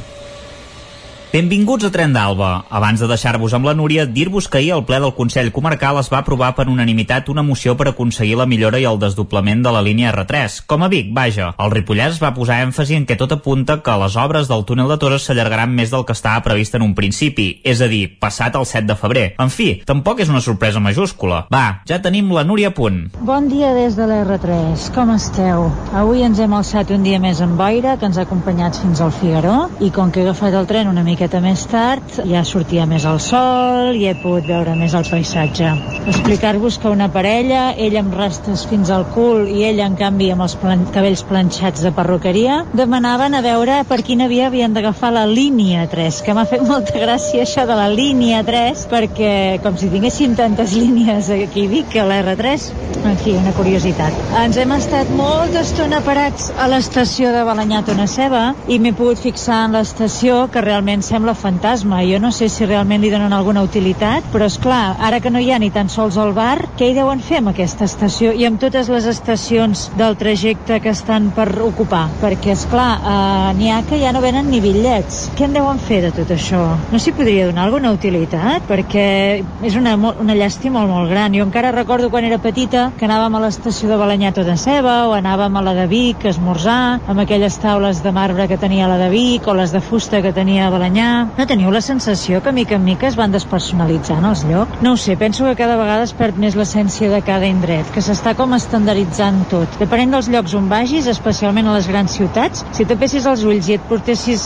i et portessin per sorpresa en un altre lloc, jo quasi penso que no sabria si estàs a Dublín, a Frankfurt, a Roma o a París. I ho trobo molt trist, la veritat. Aquesta globalització ens està homogeneitzant en més aspectes dels que almenys a mi m'agradaria reconèixer. Pel que fa al trajecte, hem anat parant unes quantes vegades, tant en estacions que no tocava parar perquè era un tren semidirecte, com en llocs del no-res, que a més a més hi havia només una via, i per tant em pregunto veure per quin motiu devia ser. No devia ser que esperéssim un tren quan estàvem al mig del no-res, perquè tampoc podia passar. No ho sé, potser avui hi havia programada una visita turística de l'R3 i ningú ens havia avisat. En fi, que després de mesos i mesos d'agafar un tren d'anada que para a totes les estacions i sovint fins i tot el que no són estacions, avui que m'he agafat aquest tren semidirecte, m'ha sorprès perquè després de Mollet ja posava que la següent estació era Torrebaró. I he pensat, ostres, clar, és veritat, faig aquest trajecte de tornada cada dia o quasi cada dia i en canvi d'anada, com que no el faig mai, doncs, eh, bueno, m'ha sorprès, mira, un viatge així una mica diferent perquè per dins sí que, clar, com que era més tard ja no hi havia tota la gentada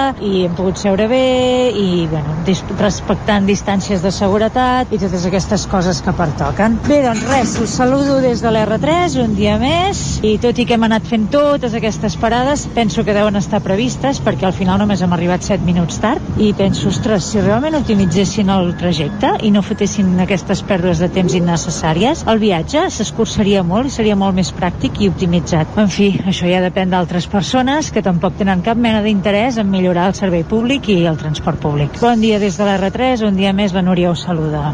Fins demà. No et podràs queixar. Avui has pogut fer una bona ruta turística, que de tant en tant ja toca. Va, ens retrobem demà. I recordeu que ja portem un retard acumulat de 5 hores i 19 minuts des de l'inici d'aquest mes de setembre.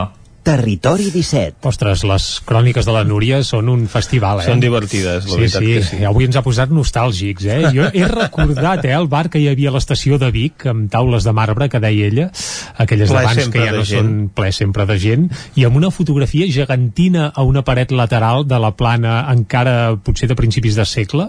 Mm. Uh, la veritat és que era, vaja, molt bonic, però ja no hi és. ja no hi és. Des de que van fer les obres a l'estació, que efectivament s'ha despersonalitzat. I el que tampoc ens ha sorprès gaire és que les obres que, bé, n'havíem parlat alguna vegada, eh, aquí a Territori 17, que hi ha el túnel de cap a Ribes, que en teoria s'havien d'acabar eh, el mes de febrer, Mhm. sembla que van tard, eh? I, I no només van tard, sinó que s'allargaran per molt temps. Quina sorpresa. Queda aquí dit, eh? Ara en anirem parlant. que parlem de la R3. El que no arribarà amb retard és el repàs a l'agenda d'actes culturals per al cap de setmana. Ens hi capbussem de seguida. Aquest repàs el fem anant a les diferents emissores del territori 17 i Vicenç, per on l'arrenquem avui? Doncs arrenquem per Ràdio Cardedeu amb l'Òscar Muñoz que ens eh, presentarà les propostes que tenen pels propers dies. Bon dia, Òscar. Doncs ara mateix no el podem escoltar. Anem eh, cap a una codinenca on ens espera la Caral Campàs, amb qui ja hem parlat aquest matí. Bon dia, Caral, de nou. Hola, bon dia de nou. Doncs eh, si no hem pogut parlar d'una banda del Vallès, parlarem de l'altra banda del Vallès, que com, és, com es prepara el cap de setmana. Eh, mira, doncs aquesta altra banda del Vallès, mm, d'agenda cultural no tinc res, però el Moianès sí. Mira, Doncs mira. us parlo de teatre. Uh, aquest dissabte a Castellcí, a dos quarts de dotze del matí, uh al local de Castellcí hi ha, hi ha la píndola teatral que porta per nom Elles, a càrrec de Melancòmica Teatre, i des de l'organització uh, ja, ja van avisar i avisen que s'adapta al format segons la normativa vigent i uh, hi haurà places limitades. Per tant, eh, demanen que la gent s'inscrigui prèviament trucant a l'Ajuntament de Castellcí i hi ha de marge fins aquest divendres a la una del migdia. I això seria el que tenim d'agenda cultural per aquí, com aquests dies ja va sent la tònica general de poca cosa en aquest sentit. Mm -hmm. Molt bé, doncs moltes gràcies, Caral. A vosaltres. Anem a la veu de Sant Joan amb l'Isaac Muntades. Bon dia, Isaac. Bon dia, Vicenç, bon dia, Jordi. El Ripollès, Bon dia, com bon està l'activitat cultural? Què és el que es preveu en els propers dies?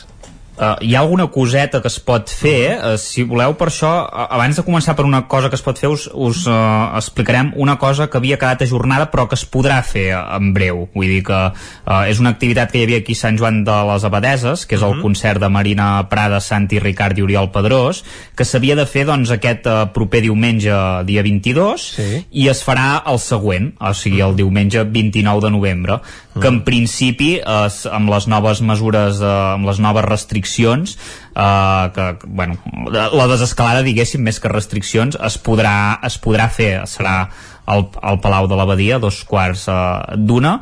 I per tant, doncs, bones notícies perquè el cicle aquest de tardor del SAT Teatre Centre havia perdut l'actuació l'Helena Gadel i aquesta s'ha pogut reprogramar una setmana més tard de, del previst Um, llavors, també, mireu, uh, mireu, durant aquest mes de novembre se celebra el Festival de les Experiències Culturals Costa Brava i Pirineu de Girona Som Cultura Mhm. i a Ripoll tenim una sèrie d'activitats a destacar, per exemple el 24, 25 i 26 de novembre hi haurà l'activitat a la vora del foc Llegendes i mites del Ripollès on s'explicaran doncs, tres llegendes de la nostra comarca i el dilluns que ve, per tant eh, el dia 23, hi haurà el taller Crea la teva història, que explicarà com jugar al joc de les cartes del Museu Etnogràfic de Ripoll. Aquestes activitats, per qui les vulgui veure, doncs evidentment són telemàtiques, en aquest cas es poden, es poden visionar doncs, a través del compte de YouTube del propi museu. I, i per acabar, eh, pels qui els agradi més eh, l'art, eh, fins al pròxim 30 de novembre, que no ho havíem comentat encara, a Ripoll se pot veure l'exposició col·lectiva des de mi balcón, que són imatges capturades doncs, eh, efectivament des de balcons i finestres fetes durant el confinament eh, per culpa de, de la Covid-19 i s'hi poden veure elements simbòlics d'aquell- d'aquells moments. Es tracta d'un recull doncs, de les vivències de la ciutadania i de l'expressió dels seus punts de vista sobre aquesta situació a través de, de la fotografia. Uh, les obres són de tamany bastant gros, uh, no us imagineu una gran fotografia allò de 10 metres per 10, però són mhm. poder d'un metre quadrat o una mica més, uh, tranquil·lament, i es poden veure a l'Ajuntament, uh, a l'Arxiu Comarcal del Ripollès, al Casal de Joves al Galliner, al Col·legi Joan Maragall, a l'Església Sant Pere i també al Museu Etnogràfic de Ripoll. Molt bé, doncs hi ha diferents indrets on es pot veure el contingut d'aquesta exposició. Moltes gràcies, Isaac. Vosaltres. Anem ara de nou a Ràdio Cardedeu, a veure si és possible parlar amb l'Òscar Muñoz. Bon dia, Òscar. Bon dia. Doncs ara sí. sí que podem conèixer quines són les propostes que tenim al Vallès per als propers dies. Doncs sí, al Vallès s'està fomentant molt la lectura uh -huh. i mhm. tenim molts clubs de lectura i ja la parlarem. Perfecte. Avui mateix, a dos quarts de sis, l'hora del conte, amb la Rosa Pinyol, la llibre Tocats de l'Ala, una activitat a partir de 3 anys i serà això, en línia i la podeu seguir des de l'Instagram de la Biblioteca Camp Pedrals de Granollers. Uh -huh. Just després, a les 6, hem xerrat a través de Zoom a càrrec del, del Museu de Ciències Naturals de Granollers també sobre els rampanats eh, els vols conèixer xerrada gratuïta en línia oh, millor que no, però... I... exacte però, ja, bueno, si voleu conèixer que, eh, aneu a la pàgina del museu uh -huh. i mhm. us inscriviu per l'activitat mhm. -huh. i a les 7 clàssics del dia em, també activitat en línia el Club de Lectura de la Biblioteca Can, de, em, Can Pedrals amb Càndid del Voltaire amb l'Anna Balbona, periodista i poeta Uh -huh. Per demà, a dos quarts de sis, la família Melops, activitat en línia, Club de Lectura Infantil, de 6 a 7 anys, a càrrec de la, de la Biblioteca Camp Pedrals, i a, la, a dos quarts de set, els Umpalumpas, Club de Lectura Infantil, de 8 a 9 anys. Uh -huh. I a les 7, novel·la act activat en línia, curs de lectura de la Biblioteca Roca Humbert. Per divendres a Cardedeu s'havia de fer una presentació de llibre La màgia del color en fotografia digital del Gabriel Brau, uh -huh. però amb aquestes mesures doncs, el, el fotògraf i la biblioteca la volien fer eh, presencial, llavors el fotògraf ha fet un repte per Instagram amb, amb cada 15 dies un repte. Aquest repte l'ara és els colors de la tardor i estarà fins al 22 de novembre. Per participar heu de penjar la foto a Facebook o Instagram amb l'etiqueta GBG Màgia del Color i etiquetant el Graviel, el Brau Graviel i a la biblioteca Biblio Caradeu. Molt bé, doncs eh, déu nhi les propostes que hi han totes centrades en l'àmbit literari com ens deies, o sigui que haurem d'aprofitar aquest confinament per fomentar l'hàbit de la lectura. I exacte, i ara Vicenç el que farem és anar cap a Osona per uh -huh. parlar d'un acte que es fa avui, uh, un acte cultural, però bé, més que un acte cultural és una mica un crit d'auxili, eh? perquè més d'un centenar de sales de concerts de tot l'estat, uh -huh. uh, tot i que la gran majoria són catalanes, emetran avui a partir de les 8 del vespre per streaming, és a dir, no podem anar a les sales físicament ni presencialment, sinó no, que haurem no de seguir pot. des de casa, uh -huh. doncs un concert que s'ha batejat amb el nom d'això, de l'últim concert, un crit d'alerta de les sales que, recordem-ho, fa pràcticament 8 mesos que estan tancades. D'aquestes sales que s'han adherit a aquest manifest, a l'últim concert, n'hi ha un parell d'usonenques. Una és la Jascava de Vic i l'altra és la Cabra, també de Vic. I uh mhm. -huh. el, precisament el responsable de la Cabra, el Xevi Huguet, el tenim ara mateix en línia. Xevi, molt bon dia. Bon dia, molt bon dia a tots. Uh, la Cabra s'adhereix uh, a aquest últim concert eh, que s'ha promocionat des de bé, més d'un centenar de sales de, de tot l'estat. Eh?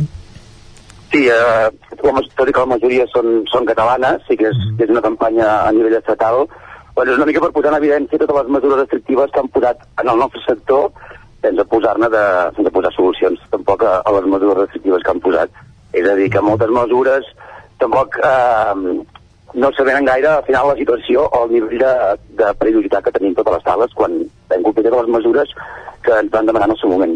Uh, anant al, bé, a l'acte reivindicatiu una mica que hi haurà avui, en el cas vostre, uh, què es fa des de la Cabra o què fareu? Bueno, simplement el que fan les sales, la majoria de sales és posar, és posar el nom, evidentment, i, i personar-se doncs, a la manifestació per tal de, de donar visibilitat al, al nostre sector. -huh. I a través de les xarxes doncs, també fer públic doncs, eh, allò que s'ha ficat a totes les sales que ficaven la façana amb l'últim concert doncs, bàsicament és una cosa molt de visibilització del sector, més que i presència quan fem campanyes o fem, o fem concentracions vosaltres porteu molts mesos sense poder, poder obrir la porta, no? I fins i tot a eh, mig estiu us van posar una mica la mel als llavis. Recordo que fins i tot vosaltres pel 25 de juliol teníeu previst fer un concert amb el Guillem Remisa de presentació del seu disc, això sí, un concert reduït, amb el públic assegut, però al final també es va haver de suspendre, és a dir, que ara mateix porteu 8 mesos ja gairebé sense obrir la porta.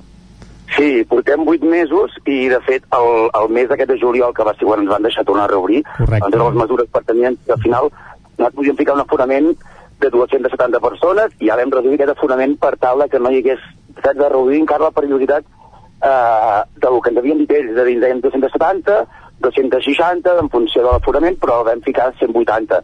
I els concerts que vam fer aquelles tres setmanes, que evidentment ja no per rendibilitat, perquè al final ho fas per, perquè t'agrada el sector, perquè t'agrada la feina, però no, no és rentable, i a més, clar, vull dir, llogues cadires, llogues taules, llogues un, un, una sèrie de coses doncs, per adaptar-te a la situació, i al final fan tancar. I és evident, l'últim dia teníem un Guillem Remisa que feia el... que ja pobre, ja se li va suspendre tota la gira, Mm i, i eh, bueno, no sé, ens vam ficar molta il·lusió amb aquest concert i al final també l'ha de suspendre i a més va suspendre el dia abans.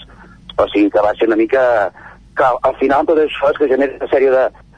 Frustració, suposo, eh? Uh -huh. Frustració que al final també, clar, et, et fa obrir una mica més els ulls i, i, i emprenyar-te més al final. Uh, sembla que de cara a dilluns sí que els polítics, bé, s'ha filtrat que es parla de la reobertura de teatres i sales de cinema, però en cap cas d'auditoris i encara menys de sales de concerts. És a dir, fa la sensació que amb vosaltres no hi acaba de pensar gaire ningú, eh? Gairebé ningú. No, clar, de fer, mentre, mentre es mantingui el toc de queda, poques coses podrem fer. Com no sigui, que evidentment ja està allà l'opció de poder fer coses de, de tarda, de vespre. Ja, ja s'havia fet aquelles tres setmanes de juliol, des de fer un bingo, fer un monòleg, uh, fer coses que siguin més de, per tarda. Però clar, al final, l'oci nocturn es viu del, del nocturn, al final... Sí, per això se'n diu nocturn, queda, clar. Sí, clar, sí. és nocturn, al final, clar, vull dir, que, que, que facin tocs de queda fins a les 10, que al final tota la prioritat sempre és la sanitat evidentment, que no hi hagin contagis, que no, que no hi hagin morts, evidentment tot aquest tema el tenim i el, i el sabem, però al final tot ha de ser en correlació uh, a l'altre. Clar, nosaltres vam, vam, no, no sé, eh, nosaltres se'ns ha d'utilitzar una mica com a eina de part de, part de la solució més que part del problema. I aquí és on hi ha d'haver el canvi de paradigma de, de, de les institucions i de l'administració al final. Perquè al final nosaltres, malgrat, malgrat uh, la gent ve a la sala a disfrutar, a veure i a passar-s'ho bé, si tu mantens unes normes i unes formes de conducta que són els que ens demanen, el problema no hi és. Clar, i també ve a socialitzar-se a la gent, perquè ens hem d'enganyar i porten, eh, bé, portem gairebé un any sense poder, entre cometes, eh, però anar a, a lligant i que sigui amb l'excusa d'anar a un concert i tot plegat. Això pot fer que, que neixi una espècie de generació amb tot un bagatge de buidor que pot ser, pot ser terrible, sí. també, eh? Ah, mira, l'altre dia em feia una entrevista també al, al, al temps i em, i em comentava això que a nivell psicològic, clar, evidentment, cadascú mira molt el seu, el, el seu punt de vista, no? però a nivell psicològic la gent jove d'ara, de 17, 18, 19 anys, uh -huh. si el nivell de relacionar-se, o, el, o sigui, el, el sentit de la interacció social entre els altres, jo crec que pot canviar això, i això no és gens positiu, justament, perquè malgrat el l'oci nocturn sigui un lloc on la gent s'ho va passar bé, hi ha molts, hi ha molts estigmes sobre aquest, no? sobre el sector de la nit, hi ha molts estigmes, la gent és on es va relacionar, i la gent quan s'ho va passar bé, al cap i a la fi, se'n va al teatre, se'n va al cinema, se'n va veure un concert, se'n va de festa, se'n va on sigui, però se'n va relacionar amb altra gent, a conèixer, a conèixer altra gent, a saber decidir si sí o si no fa, no ho sé, eh? jo penso que és, que és una mica un, que estem anant enrere en aquest sentit. Uh -huh. uh, Xevi Huguet de la Sala a la Cabra tornant a la campanya de l'últim concierto de l'últim concert que recordem-ho es fa avui a tot l'estat cal dir que les xifres que s'han donat a, a conèixer són que hi ha prop de 25.000 bolos que s'han cancel·lat durant aquest any i que s'han perdut uns 120 milions d'euros i que a més a més hi ha uns 5.000 treballadors directes afectats, uh, recordem-ho, a, a tot l'estat. En el vostre cas, quina seria l'afectació? Clar, si quantificar-ho en números no... Sí, és complicat, eh? Seria... Mm -hmm. Sí, és complicat, és molt complicat. Sí que podem dir que, per exemple, que a nivell contractual, molts dels que vens, tu fas uns contractes que si el concert no es fa, doncs has de pagar. Al final, de gastos n'hi ha hagut. L'únic que sí que tot el món, tot el sector, més o menys, ens ha sigut bastant comprensiu en aquestes coses. I llavors, mm -hmm. al final, sí que el món és molt gran a nivell cultural, o molt, però sí que tot, tot ens coneixem. I llavors, al final, el que no vol la gent és no, és com una estira i arrons, sabíem que jo t'he pagat o jo he fet. No, la gent ja s'ha ja s'ha vingut una mica a que tot sigui cordial i al final sí que s'han pagat coses de més, però bueno. Llavors el problema és que, per exemple, nosaltres l'any que ve fem un festival aquí a Vic, també al juny.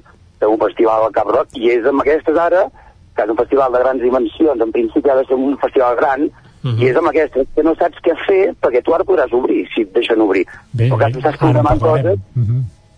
clar, no saps ben bé per on anar. Clar, quantificar-ho números no, però clar, si fas un cap mas del que guanyaves cada mes amb el que has perdut durant 9 mesos tancat, a més és una sala jove, és una sala que ha començat fa 3 anys. Vull dir, no, no té una capacitat de, de, de trotureria de dir, ostres, mira, podem allargar 4 mesos més, 5 mesos més, hem anat tirant, vam poder obrir aquelles 3 setmanes que no va anar molt bé, però bueno, va, va, va ajudar per sufragar quatre coses i ara, evidentment, ens tornem a trobar en una, una situació bastant complicada, que no es pot allargar molt més perquè si no, evidentment, s'haurà de tancar. Amb quin escenari treballeu, uh, Xevi? Creieu que en un termini d'un meset es podrà obrir amb, algunes restriccions o, o no? Clar, evidentment, a, a, a, sí, amb la, amb la, amb la que tenim fins ara, de que ens han dit que obriríem, que no, que sí que no, evidentment tot, tota, tota previsió és Sí, fa de mal fer, això és evident. Fa de mal fer. Però sí, sí que, clar, l'optimisme, que és el que més ens, ens fa tirar endavant, la veritat, és, és pensar que d'aquí un mes i mig, si més no podrem obrir. Jo crec que per desembre, gener, final de desembre, gener, jo penso que podríem obrir amb, amb la situació que ens van donar la- l'anterior l'anterior juliol. Jo penso que ens deixaran obrir, clar. Jo, jo és el que vull, clar, al final, i és el que es parla, per tal de no... O sigui, estan picant al límit tot el sector i molt, moltes sales estan dient que el límit gener-febrer és el límit de tots. O sigui, és quasi un any, un any tancat una sala que viu al final de dos dies a la setmana o d'un dia a la setmana. Vull dir que tampoc és un... A més estem a Vic, vull dir que no, no, no és Barcelona tampoc.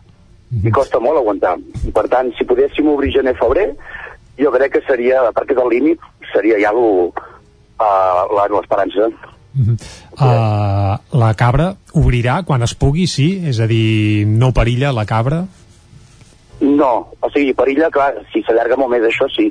El que et dic, jo ens posem de data, de data màxim febrer. Llavors, d'obrir, sí que podrem obrir, també et dic que ens estan... O sigui, tot el tema de ventilació de les sales s'ha de canviar, o sigui, ens han de ens han d'adaptar una mica perquè, clar, s'han de canviar els temes de ventilació que teníem nosaltres, poder s'hauran de canviar coses, és a dir, en funció de quan puguem obrir, doncs ens intentarem adreçar màxim a la- a la- a l'horari d'obertura. Vull dir, la idea de nosaltres és obrir quan es pugui. Vull dir clar, ara estem fent obres per tal d'adaptar una mica a la nova normativa que, que donaran. Uh, somies, per exemple, amb una festa de cap d'any o això és impensable? No, no ho sé, jo sí que somiava amb, amb ara la castanyada, com aquell qui diu, i, i no, difícil, jo ho veig difícil. A més, a més tenint en compte que, que la gent no surt de festa tampoc, per anar-se'n a seure, a part que canviarà una mica el tema dels rols nocturns de la gent, o sigui, el fet de poder-se quedar a casa la gent, no gastar-se la gent, o sigui, jo penso que canviarà una mica el, els seus hàbits a l'hora de relacionar-se amb els altres, i el fet d'anar-se'n a una sala, poder sentats, doncs jo penso que serà complicat. Vull dir, al final la gent se'n va allà per estar-se dret, per estar parlant amb un amb altre, i això és el que, el que la gent troba a faltar a la nit, mm -hmm. més que anar-se a sentar al final, uh, per, per veure segons quin DJ, o a veure... La gent el que necessita és, és activitat, és dinamisme, i si fem una cosa cert per cap d'any podríem fer-ho, un DJ i una sala plena de taules i cadires, però la gent vol ballar, la gent al final és un risc que corres, si obres per cap d'any, si obrim, que, que podem pagar car, sí, sí. Uh, bé, caldrà, caldrà veure-ho i caldrà, caldrà seguir-ho, però en tot cas ens quedem amb, amb això, que la cabra no perilla i que quan pugueu obrireu portes i no sé si ja fins i tot teniu contractat o mig lligat el, algun concert. Bueno, tenim el tema pendent en Guillem Remisa, és a dir, que quan, com que va ser l'últim concert abans de tenir el tancament, que no es va poder fer, ja el tenim lligat, és a dir, que quan puguem obrir, en Guillem Remisa serà, serà el primer que vingui a tocar. Sí, sí. Això ja està, bueno, de fet ara quan vam dir que podríem obrir fa res, un mes o dos, que van dir que podíem tornar a obrir, veiem en Guillem ens hem posat d'acord. I llavors el mateix dia ens van tornar a dir que no. Sí, allò va ser, va ser curiós, eh? perquè d'un dia per l'altre gairebé deixen obrir les discoteques i en tres dies és que tancaven els bars. Va ser allò que... En, aquell pas de, de res va ser hores, a més. Uh -huh. Sí, ja sí. vaig parlar amb, amb les sales i cadires, vaig parlar amb, amb en Guillem Remisa, vaig tancar també un, un tema d'espectacles escèniques, que també volíem fer-ho. Bueno, fer una barreja de... És el que et dic, al final has d'oferir una cosa molt àmplia perquè vingui poca gent. És a dir, no pots oferir només un DJ, jo només un cantautor. No, has de fer una cosa molt dinàmica, de un bingo, has de fer diverses coses. Llavors, clar, la feina és més gran per, per menys gent. I, i clar, i en, una, en unes hores ho vas organitzar tot i llavors, pam, eh, et diuen que no pots. Bé, llavors, mm -hmm. bueno, més ganes ens ho farem quan arribi el moment. Que esperem que sigui aviat. El, algun altre nom que ens puguis avançar, a part del Guillem, amb el que estigueu treballant? Bueno, per l'any que ve, bueno, clar, per la sala, ara per ara, per ara tot el que teníem concerts els anàvem, els anàvem posposant. Ara els hem anul·lat. Els hem anul·lat i, i en previsió que quan puguem tornar a obrir, doncs, ho puguem fer, perquè nosaltres, clar, la Cabra fem formats de grans, de grans, grans concerts per, per, la, per la situació de la sala. És a dir, una sala de quasi 900 persones i els concerts que estàvem oferint ara estaven passats per 200 persones, com a molt. Mm -hmm. Més que res perquè a nivell, a nivell, de, a nivell de diners és molt gran portar un gran grup i que vingui poca gent, vull dir, no, no és rentable. No és rentable. Llavors, el que sí que teníem tancat que era per l'11 de juny de l'any que ve era el festival, que venia Smoking Souls, venia eh, Oques, venien Buos, venien diversos grups, el Caótico, Tegis, venien Stay Home, estàvem parlant, per l'any que ve aquí Vic, però clar, ara s'ha quedat tot tallat. Tant de bo, Xevi Huguet de la Sala de la Cabra de Vic es pugui reemprendre l'activitat el més aviat possible i pugueu fer també aquest festival. Moltes gràcies per ser avui a Territori 17 i molta sort. Gràcies. I gràcies per, per donar visibilitat. Gràcies. A vosaltres, Vicenç, i nosaltres ara el que fem és acomiadar-nos. Acomiadar un territori 17 que han fet Clàudia Dinarès, Caral Campàs, Isaac Muntades, David Auladell, Pepa Costa, Natàlia Peix, Guillem Rico, Jordi Vilarrodà, Maria López, Jordi Givert, Òscar Muñoz, Jordi Sunyer i Vicenç Vigues. Nosaltres tornarem demà, com sempre, des de les 9 del matí fins a les 12 del migdia. Territori 17 un magazín del nou FM. La veu de Sant Joan, Ona Codinenca i Ràdio Cardedeu amb el suport de la xarxa. El nou FM.